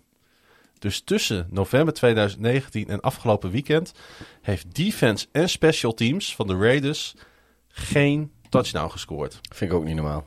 Dat is toch ook een hele gekke statistiek. Zegt ook wel iets over de staat van de Raiders hè, de afgelopen jaren. Ondanks dat ze natuurlijk één keertje de playoffs hebben gehad. De 43 wedstrijden, want dat waren het. De 43 wedstrijden in het reguliere seizoen zonder zo'n defensive touchdown was de op één na langste streak in Super Bowl era. Alleen de Browns hadden tussen 1979 en 82 een langere streak. Een van 49 games. Ja, special teams, die waren niet zo special in deze wedstrijd. Tyron Johnson, die botchte een eh punt return, waardoor de Raiders bijna op hun goal line eh, moesten beginnen. En ze hadden een surprise onside kick opeens tijdens de wedstrijd die volledig mislukte. En beide teams misten ook nog eens extra points in het tweede kwart. Zeer onkarakteristiek voor Daniel Carson en Brandon McManus. Twee van de beste kickers in de league. Die kunnen dus ook eens een keer een extra point missen. Ja, wat de Broncos betreft. eh, het, weet je, eh, het, het zit me toch wel. Ik, het zit me een beetje dwars. Want dit zou natuurlijk het jaar van, van het nieuwe eigenaarschap worden. Het jaar van de nieuwe coach. Een nieuwe franchise quarterback. 17 nieuwe spelers. Ik zie gewoon heel weinig progressie. De Broncos. Ik die, snap er, ik, ik, ik had er ook veel meer van verwacht. Ik, Ze voelen Wij- zelfs wij- de league wij- aan in penalty yards. Zo erg is het. eh, ja, maar de- die nieuwe coach is wel echt een beetje een, een koekenbakker. Het vooralsnog. Wat is het? Het, het, het, Hetfield? eh, Nathaniel Na- Hackett. Hackett. Die Hackett, van de sorry. Packers komt. Ja, Nathaniel Hackett. Nou, ik een beetje een Nathaniel Hack noemen, want het is een beetje een hack. Maar, dit, weet je, wij, wij, wij hebben, eh, roepen al jarenlang, weet je, dat team, dat is een quarterback verwijderd van, van, van een, een, een, een deep playoff run eh, seizoen. Ja, Super Bowl kandidaat gaat misschien wat te ver, maar in ieder geval een team wat... daar eh, waren wij toch behoorlijk over eens. ja, en als je kijkt gewoon naar talent er is, dan moet dat ook gewoon zo zijn. En dan denk ik, weet je, is, is Wilson nou eh, ehm, een beetje over de hill? Is, eh, ja, weet je, Ik heb eens even gekeken naar rust. Naar hun eerste acht first down plays. Om eens even aan te geven hoe matig het is. Hun eerste acht first down plays van de tweede helft. Run for a loss of one yard. Run for no gain. Run for one yard. Incomplete pass. Run for no gain. Incomplete pass. Holding. Holding. Dat waren dus op first down zijn dat hun eerste plays. Dus dat geeft al aan dat die aanval niet goed loopt. Als dat acht keer op rij, als je dit, dit noteert. wie, eh, wie called daar de offensive plays? Ja, dat is een goede vraag. Dat zal toch Hackett zijn. Ja, moet hij daar direct mee stoppen? Sowieso, hij is een beginnende Maar dat gok ik hoor, dat weet ik, weet ik eigenlijk Weet ik ook niet eens. Nou, weet je, ik vind sowieso dat eigenlijk moeten, zeker beginnende coaches, moeten helemaal Maar geen playcalling doen of nou offense of defense is. Die moeten gewoon naar de wedstrijd kijken. Ja, ik vind het wel zorgelijk hoor. Eh, wat eigenlijk de Broncos laten zien. En ze hebben dan eh, met mazzel natuurlijk die wedstrijd vorige week tegen de 49ers gewonnen met 11-10. Oh ja, dat is ook wel zo'n eh, rare pot. Ehm, maar goed, ze Ja, dat, dat is waar, daar is mijn hoofd helemaal gefukt in de afgelopen weken. Want ik dacht dus ergens dat de Niners die pot hadden gewonnen. Nee, En dat de Ja. Raiders, dat die dan weer hadden gewonnen van de Cardinals. Een week eerder. Maar de Cardinals hadden, die- hadden die comeback met die overtime over. Ja, nou ja, goed. Maar dat, ergens in mijn hoofd, de, dus dat, het is allemaal helemaal misgegaan. Dus de records, die kon ik wel verklaren in mijn hoofd. Alleen, nou ja, goed. eh, whatever, weet Nou, je. jij, hebt, Laten we... jij hebt het nu ook weer scherp. Dat is ook wat waard. Ja, Eh, hey, de, de, de Broncos die hosten Indianapolis op Thursday Night Football. Ja, ik ben echt benieuwd naar die wedstrijd. Want het zou natuurlijk ook voor de Colts een uitgelezen mogelijkheid kunnen zijn om, eh, om weer een beetje terug te bouncen. En de Raiders, Wat gaat het worden? Wordt dat een spektakel of wordt dat een lammen tegen de blinden? ja, kan, dat kan maar weer zo'n zo'n 10-11 wedstrijd worden. en nu kan, hoeft het een het ander ook niet uit te sluiten trouwens. hey. Want een lammen tegen de blinden kan ook een spektakel zijn. Maar Broncos hebben natuurlijk wel gewoon 23 punten op boord gezet afgelopen wedstrijd. En Wilson speelde best wel een efficiënte Ja. pot. eh. We moeten ook niet doen alsof, alsof Wilson een hele slechte quarterback is nu of zo. nee, maar... Alleen de- hij speelt gewoon op dit moment in een aanval die de, de, niet de, loopt. de, de playcalling is gewoon beroerd. Ja. En, en de coaching is gewoon echt heel matig. En, en het, het, het, het besef van een wedstrijdklok. En, en hoe je de klok managt. En, en gameplanning. En, en, en dus hoe nu je hebben ze je- eindelijk die quarterback te pakken waar wij het jaren over hebben. Ja. En hebben ze een, een, een, een lul van de coach Ja, aangesteld. joh, ik had hier gewoon... eh, ja... Ik had, eh, god weet je nou, eh Vic Fangio kun je hier neerzetten hoor. Dat gaat beter, dat garandeer ik je. ja. ja, dat was ook geen succes. Nee, maar ja goed, eh, zo, laat, dan, eh, laat dan iemand anders lekker de plays callen. De Raiders die gaan op bezoek bij Kansas City voor Monday Night Football. Ik, daar, zit daar een opzetje in? Nou, we gaan het erover hebben in de voorspellingspodcast later deze week, Pieter. Oh, sorry. Hey, Ik eh, even vergeten dat we met een podcast bezig zijn. noem, noem het maar, noem het maar 49ers tegen Aaron Donald. Tenminste, zo vlogen de 49ers het voor mijn gevoel aan. Ze veranderen constant van play, blocking assignments en eh, om er eh, maar alles aan te doen, Aaron Donald in verwarring te Ik brengen. zag trouwens een, een, een unblocked run van Donald. Ja. Oh, en Dat was ook de enige keer dat hij bij de quarterback kwam.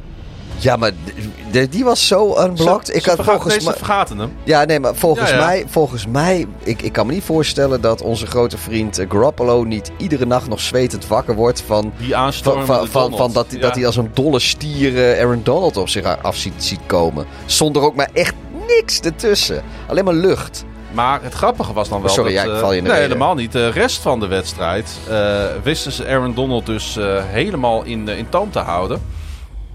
Ja, en eh, oh, dat, dat, dat was ook de volgende zin. dat was inderdaad de volgende zin, ja.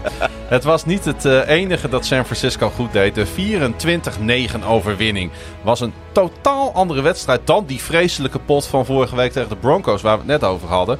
Alle teams in de NFC West staan nu op 2-2. Hey, zullen we gelijk maar eens even naar de play van de wedstrijd toe? Die eh third down pass, ik denk dat iedereen hem ondertussen wel voorbij heeft zien komen op, eh, op de social media. Op eh, Debo Samuel.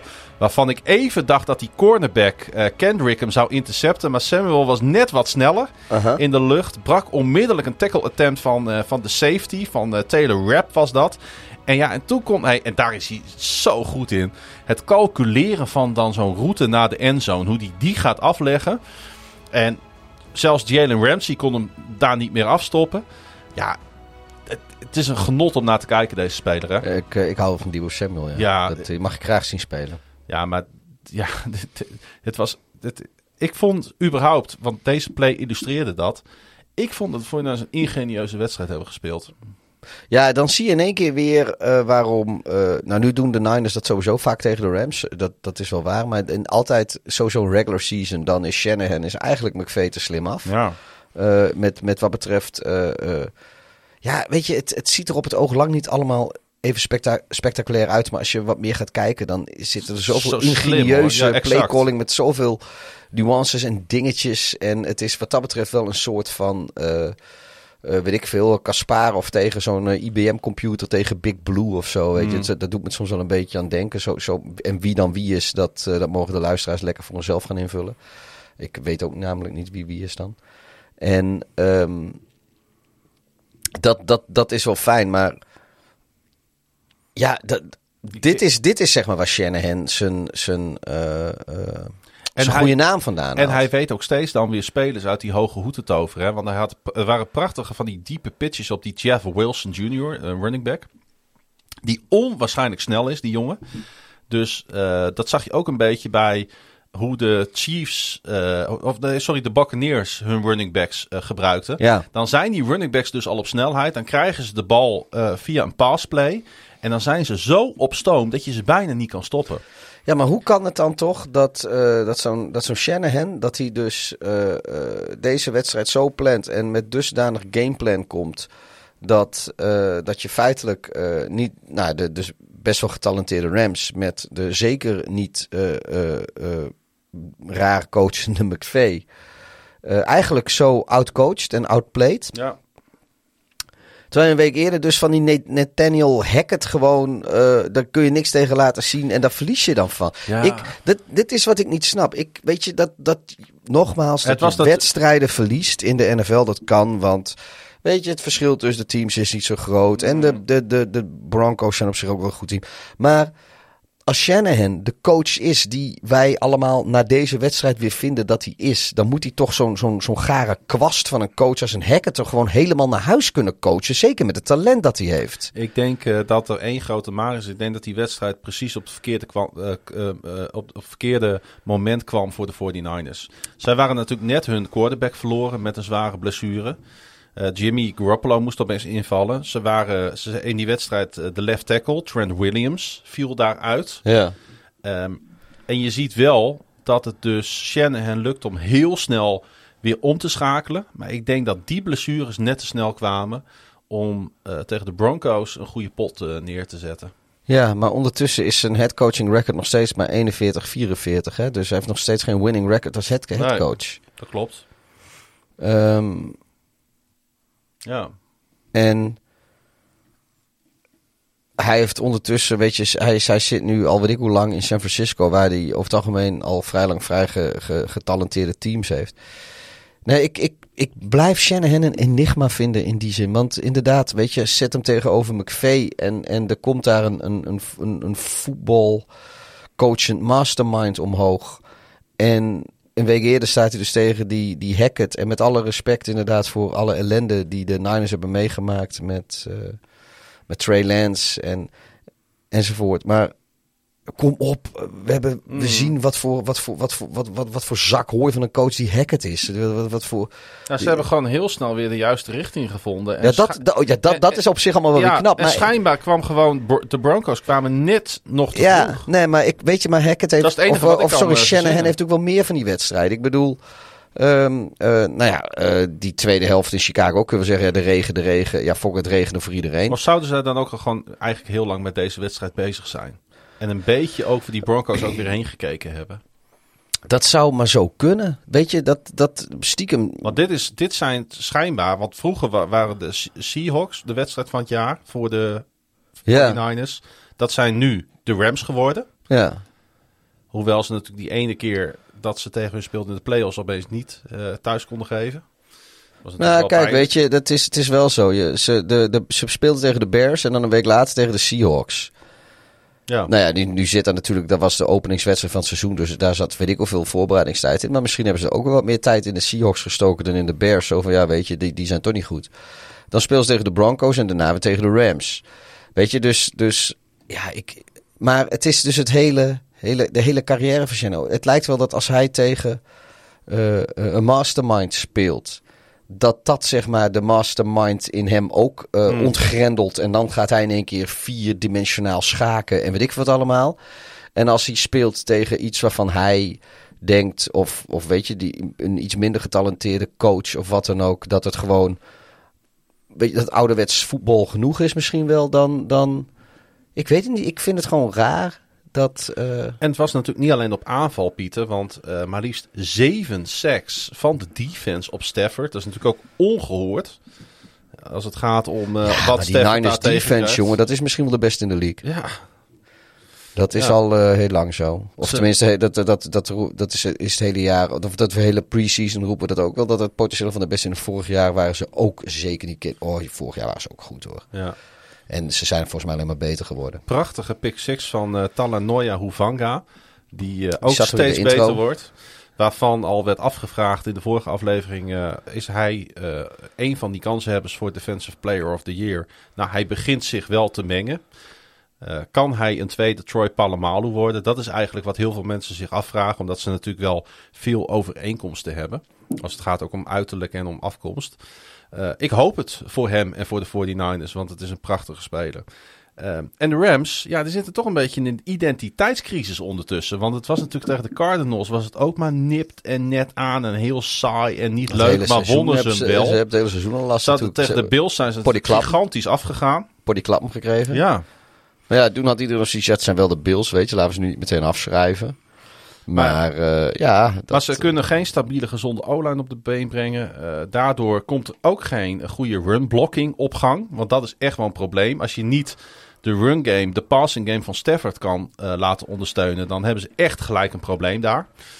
Ehm, Nou ja, ze hebben, ze hebben twee wedstrijden de tijd om die boel op de rit te krijgen. Want daarna moeten ze weer tegen de Niners. ja, en er valt mij één ding op. Eh, het is best wel eendimensionaal eigenlijk wat Stafford eh, eh, en McVay laten zien. Want ze steunen vooral op, op Cooper Cup. En Robinson komt eigenlijk helemaal niet het verhaal voor. Nee. En wat je dan krijgt, Nee, is dat Robinson, nee een- Robinson is, is. Ik begin ook wel een beetje te twijfelen of we nou vorig jaar Robinson hebben gezien die er geen zin meer in had. Of dat we Robinson zagen die, die, die, die misschien ook gewoon. Nou moet hij af en toe ook wel een balletje krijgen natuurlijk. Nou, maar hij, hij maakt heel veel routes ook gewoon niet af. Of hij laat, weet je, hij, eh, dan heeft hij de eerste stap, heeft hij separation. En daarna laat hij zich weer bijhalen. Ja, als hij, als je, hij staat zo weinig vrij vergeleken. Tuurlijk is Cooper Cup is natuurlijk gewoon de man. Maar die staat ook gewoon vrij. Robinson valt gewoon tegen hoor. Die, eh, die heeft die separation misschien op de eerste paar yards, maar daarna niet meer. Want hij lijkt gewoon een stap snelheid verloren te zijn. Hm. En eh, of dat nou is gebeurd omdat hij ouder is, of dat misschien is hij wel niet fit, of misschien eh, heeft hij wel de pech dat hij steeds tegen snelle, tegenover snelle mensen staat.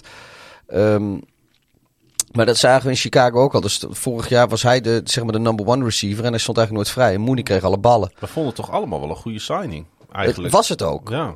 Eh, wat iedereen dacht van ja, weet je, Chicago, hij, hij gelooft het wel. Eh, hij gaat niet nog zijn lichaam in dit laatste seizoen op de waagschaal leggen voor een team Ja. wat nergens heen gaat. Na Jacksonville en Chicago eindelijk eh, Precies. bij een contender aan de slag. Precies, ja. En, en nu lijkt het gewoon op dat. ja, of hij. Het is, of misschien heeft hij er wel met de pet naar gegooid. En dat hij nu heel moeilijk vindt om op zijn oude niveau terug te komen. Of hij is inderdaad ouder geworden. Maar hij krijgt die separation bijna niet. En dus Ja, krijgt hij die ballen Het niet. probleem is wel dat dus alles naar kop gaat. En, wat, wat, en dan krijg je dus dat zo'n Hufanga op een gegeven moment het spelletje leest. Ziet wat er gaat gebeuren. Ja. En dan krijg je dus zo'n pick six om je oren. Het is, en dat kan eh, zelfs een, een, een, een, een- een Cooper Rush, wou ik al zeggen. dat, kan, dat, kan, dat kan zelfs eh, Cooper Cup er niks meer aan doen. Nee, eh, ik denk dat ze in, eh, in Los Angeles moeten ze echt hopen dat er binnen nu een heel kort iets meer uit vriend Allen Robinson komt. En, en, en ja, ik denk dat ze ook angstvallig letten op de, of angstvallig met vol verwachting op de kalender kijken in de hoop dat, dat eh, Odell Beckham Jr. eh, weer fit wordt en eh, bij Ja, hun gaat signen. Maar die schijnt dus op dit moment te praten met zijn oude werkgever, de New York Giants. Dat is het laatste nieuws.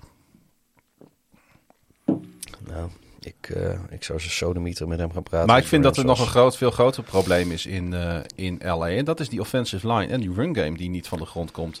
En dan gaan ze niet ver komen met deze aanval. Ah joh, is, maar die defense met al die namen valt ook een beetje, weet je, als de enige fatsoenlijke tackle een of andere gast met een rode rook, roze rookbom is. Ja, dat was ook trouwens een raar moment. Ja, maar die, oh, die, eh, die voelde dat wel, want die eh, kreeg de volle wraak van Bobby Wagner kreeg hij, eh, kreeg hij op zijn bakkes. Ja, En hij, draagt de geen, en hij draagt geen beschermende eh, harness of wat dan ook. Nee, maar vrij ongekend. Dat zie je niet vaak in, het, eh, in de NFL. Hè, dat ja, je ziet het, nou, het gebeurt wel met enige regelmaat, maar het wordt nooit in beeld gebracht. En dit Nou is ja. allemaal in beeld Ja, gebracht. Maar- tegenwoordig heeft iedereen mobiele telefoons. Ja, nee, maar dan, dan nog, weet je. Dan, je ziet het vaak ook op Twitter wel Ja. voorbij komen. En dan zijn het van die Pardon My Take-achtige accounts die, en, en barstools en zo, weet je. Die, Maar juist die- door, dat, door die, die zitten dat ze dit op televisie ook niet meer weg. Maar ik eh, zie nu toevallig, weet je, als ik kijk op ESPN, weet je. Het staat gewoon, het staat voorop, pap. Dat zo, dit zie je niet vaak hoor. Nee. En nu is ESPN ook niet geaffilieerd aan de NFL natuurlijk. Maar ESPN is wel zo'n grote outlet die... Het is trouwens wel een prachtige foto. Ja, prachtige is, eh, afbeelding, zeg ja, maar. Het is, het is een stil van een, Ja, van een plaatje. Maar goed, eh, goed hoor. eh, oh, ze hebben het van een Manningcast... eh Ja, die vonden het natuurlijk ook weer die, vonden, van. die vonden het waarschijnlijk schitterend. Ja. Maar, eh, Nee, dat was wel een opvallend moment. Vooral omdat het nu echt wel duidelijk in beeld werd gebracht. En er ook daadwerkelijk eh, commentatoren hun mening over gaven. En normaal is de camera weg of wordt er naar de reclames gegaan of wat dan ook. Ehm, maar goed, het, eh, het is wat het is. De, de, Denver, of de, Denver, eh, de Los Angeles Rams, die, die, ja, die offense is inderdaad eendimensionaal. Die defense kan het dan allemaal niet zo bijbenen. Het zijn wel allemaal hele grote namen nog steeds die er staan. En op papier hebben ze ook een van de beste defenses in de NFL. Daar geloof ik nog steeds wel in. Maar ja, als de offense niet lang genoeg op het veld kan zijn, dan wordt die defense vanzelf een keer kwetsbaar. Ja, dan hebben ze toch moeite. Want eigenlijk hadden ze ook wel een beetje moeite al met de Cardinals. Dus dan hebben ze moeite met, eh, met, met eh, aanvallen die eh, veelzijdig zijn. Nou, niet alleen dat. Ik denk dat iedere defense moeite heeft met een veelzijdige aanval op het moment dat ze meer dan een half uur op het veld gaan staan. Dat sowieso. De laatste keer dat de Rams, laatste statistiekje over deze wedstrijd. De laatste keer dat de Rams onder de 10 punten werden gehouden, dat was tegen Seattle in 2020. Dus ik eh, denk dat het interessante weken in de NFC West eh, worden. Wie daar eh, een beetje de macht gaat grijpen. Ja, Want ik vlak op dit moment bijvoorbeeld een Seattle ook niet uit. Nee, nou, de Cowboys en de Panthers, die, eh, die, eh, die moeten eh, nu zeg maar het kanonnenvlees zijn voor de Rams. De Cooper Rush geleide Cowboys, dus Cooper Mhm. tegen Cooper. Zijn we nog twee, Ja. two Coopers, one cup. En dan de Panthers. Nou, weet je, in theorie moet je, zeker met ambities en het talent wat de Rams hebben, moet je 2-0 gaan. En dan mag je thuis nog een keer tegen de Niners. Nou, meestal, ja, eh, weet je, dat wordt dan ook weer heel wat. Want daarna wordt het ook Buccaneers, Cardinals, weet je. Het is, eh, ze hebben niet makkelijk, eh, onze vrienden uit Los Angeles. Dus Nee. de komende wedstrijden zijn zeker wedstrijden die ze, waar ze het even moeten laten zien. Dat zeg ik. Interesting weeks Ja, in front of us. Pieter, dankjewel dat je er weer was. Dankjewel. Fijn om je weer gesproken te hebben. Ondanks dat je ondertussen ook eh, volgens mij een griepaanval tijdens deze aflevering hebt gekregen. Ja, nou, ik heb in ieder geval twee, eh, twee zakdoekjes waar ik nog steeds Frank Judith wil bedanken. Ik, heb, ik had er precies twee van ze gekregen. Nou, die zijn ook helemaal vol. Die eh, laat ik hier lekker liggen. Ja. Ook door neusverkoudheid? Ik heb, ik heb geen idee, maar ik, had, ik, ik had genoeg vocht te lozen, deze, deze podcast. Ik was zo blij dat ik hier weer was. Goed, dit duurde weer veel te lang. Ja, natuurlijk. Hoe lang zitten we? Drie uur en een nee, beetje? nog lang geen drie uur. Maar... Wel, kijk dan. nee, twee uur en 55 minuten. Wat ik zeggen, want ik weet, het is, het is weer... eh, het, Ehm, volgende week weer, hoop ik. ja, Eh, en we gaan tussendoor nog even voorspellen. Maar dat gaan we vanavond niet meer doen. nee, dat, eh, jullie doen dat op vrijdag, geloof ik. Nou, dat, dat vonden wij wel een goed idee. Omdat, omdat je dan de Thursday Night Football kan meepakken. Ja, ja, ja. Anders had deze aflevering namelijk nog langer geduurd als we nog een wedstrijd hadden moeten doen. Oh, daarom is hij zo kort. Juist. Oh, ik dacht al, wat rollen we er soepel doorheen. Ehm, als je ons in de tussentijd wil volgen, dan kan dat via Pieter. Pff, Twitter eh, zit ik geloof ik eh, met eh, dart laagstreepje hideous. Mij kun je volgen via het En je kan ons volgen via Twitter, Facebook en Instagram. En daar kun je ook met ons engagen. Eh, ik heb trouwens een hele toffe locatie gescout. via Frank. Voor een eventueel eventje. Weer in Tilburg, hè? Wat dacht je daar? Ja, maar het zag er wel goed uit. Nieuwe sportsbar daar. Moeten we eens even kijken. eh, we gaan, we gaan daar Er zijn toch kind aan huis in dat Mercure Hotel tegenwoordig. De executive suite. Ja, die heb ik onder, dat, dat genot heb ik ook mogen proeven. Nee, want jij hebt, ondertussen. jij hebt dus niet in, in, in, in, in het gekleurde disco-lampje bubbelbad gelegen daar. Ja, maar Dus ik, dat, ik eh, ben niet zo'n badderaar. oh, daar wel, als er gekleurde lampjes zijn. Ja. Moet toch Nou wel met al die badjassen? Zullen we daar eens over gaan nadenken of eh, en wanneer we dat gaan doen? Ja. Of misschien als, eh, als, als een van de luisteraars een geweldige locatie weet eh, op een, eh, in, een, in een mooie, goed af te reizende stad. Er moet sowieso een intercity station zijn. Dat is een minimale voorwaarde. Mensen moeten een biertje kunnen doen en dan ook weer lekker met de trein naar huis kunnen. Ja, Dat vind ik echt... het moet op loopafstand dus van zo'n station zijn. ja. En, en eventueel een, een goed hotel met een goede executive suite. Ja, Mercure is altijd prima. Dus als je een Mercure hotel in je stad hebt... Ja, Van der Valk vind ik trouwens ook prima. Een goede bad hoor. Zo'n modern Van der Valk hotel, daar kun je Ja, ook maar ik, prima eh, in bad zitten. Ik, ik score... Ik ben, maar die eh, zitten meestal Ik niet ben loyal centrum. customer bij Mercure en dan sp- spaar ik punten. Dus. Ik ben, ja, ik ben overal loyal customer. Goed. Ik, ben nog, eh, ik heb ook nog een NH-kaart, dus daar ben ik ook nog. En Hyatt. Blijf ons steunen via onze Petje pagina. Je hoorde aan het begin van de aflevering, als je nog luistert, wie dat allemaal waren de afgelopen twee weken. nu? Ik vraag iedere keer weer. Ja, Laat het even weten. En eh, daar kun je ook reactie. ons extra... We, we gaan toch wel even weer een eh, podcastje nog opnemen deze week. Ja, Maar ik weet niet hoe en wanneer. Zien we wel. vast wel goed. Tot de volgende! Beste maar weer.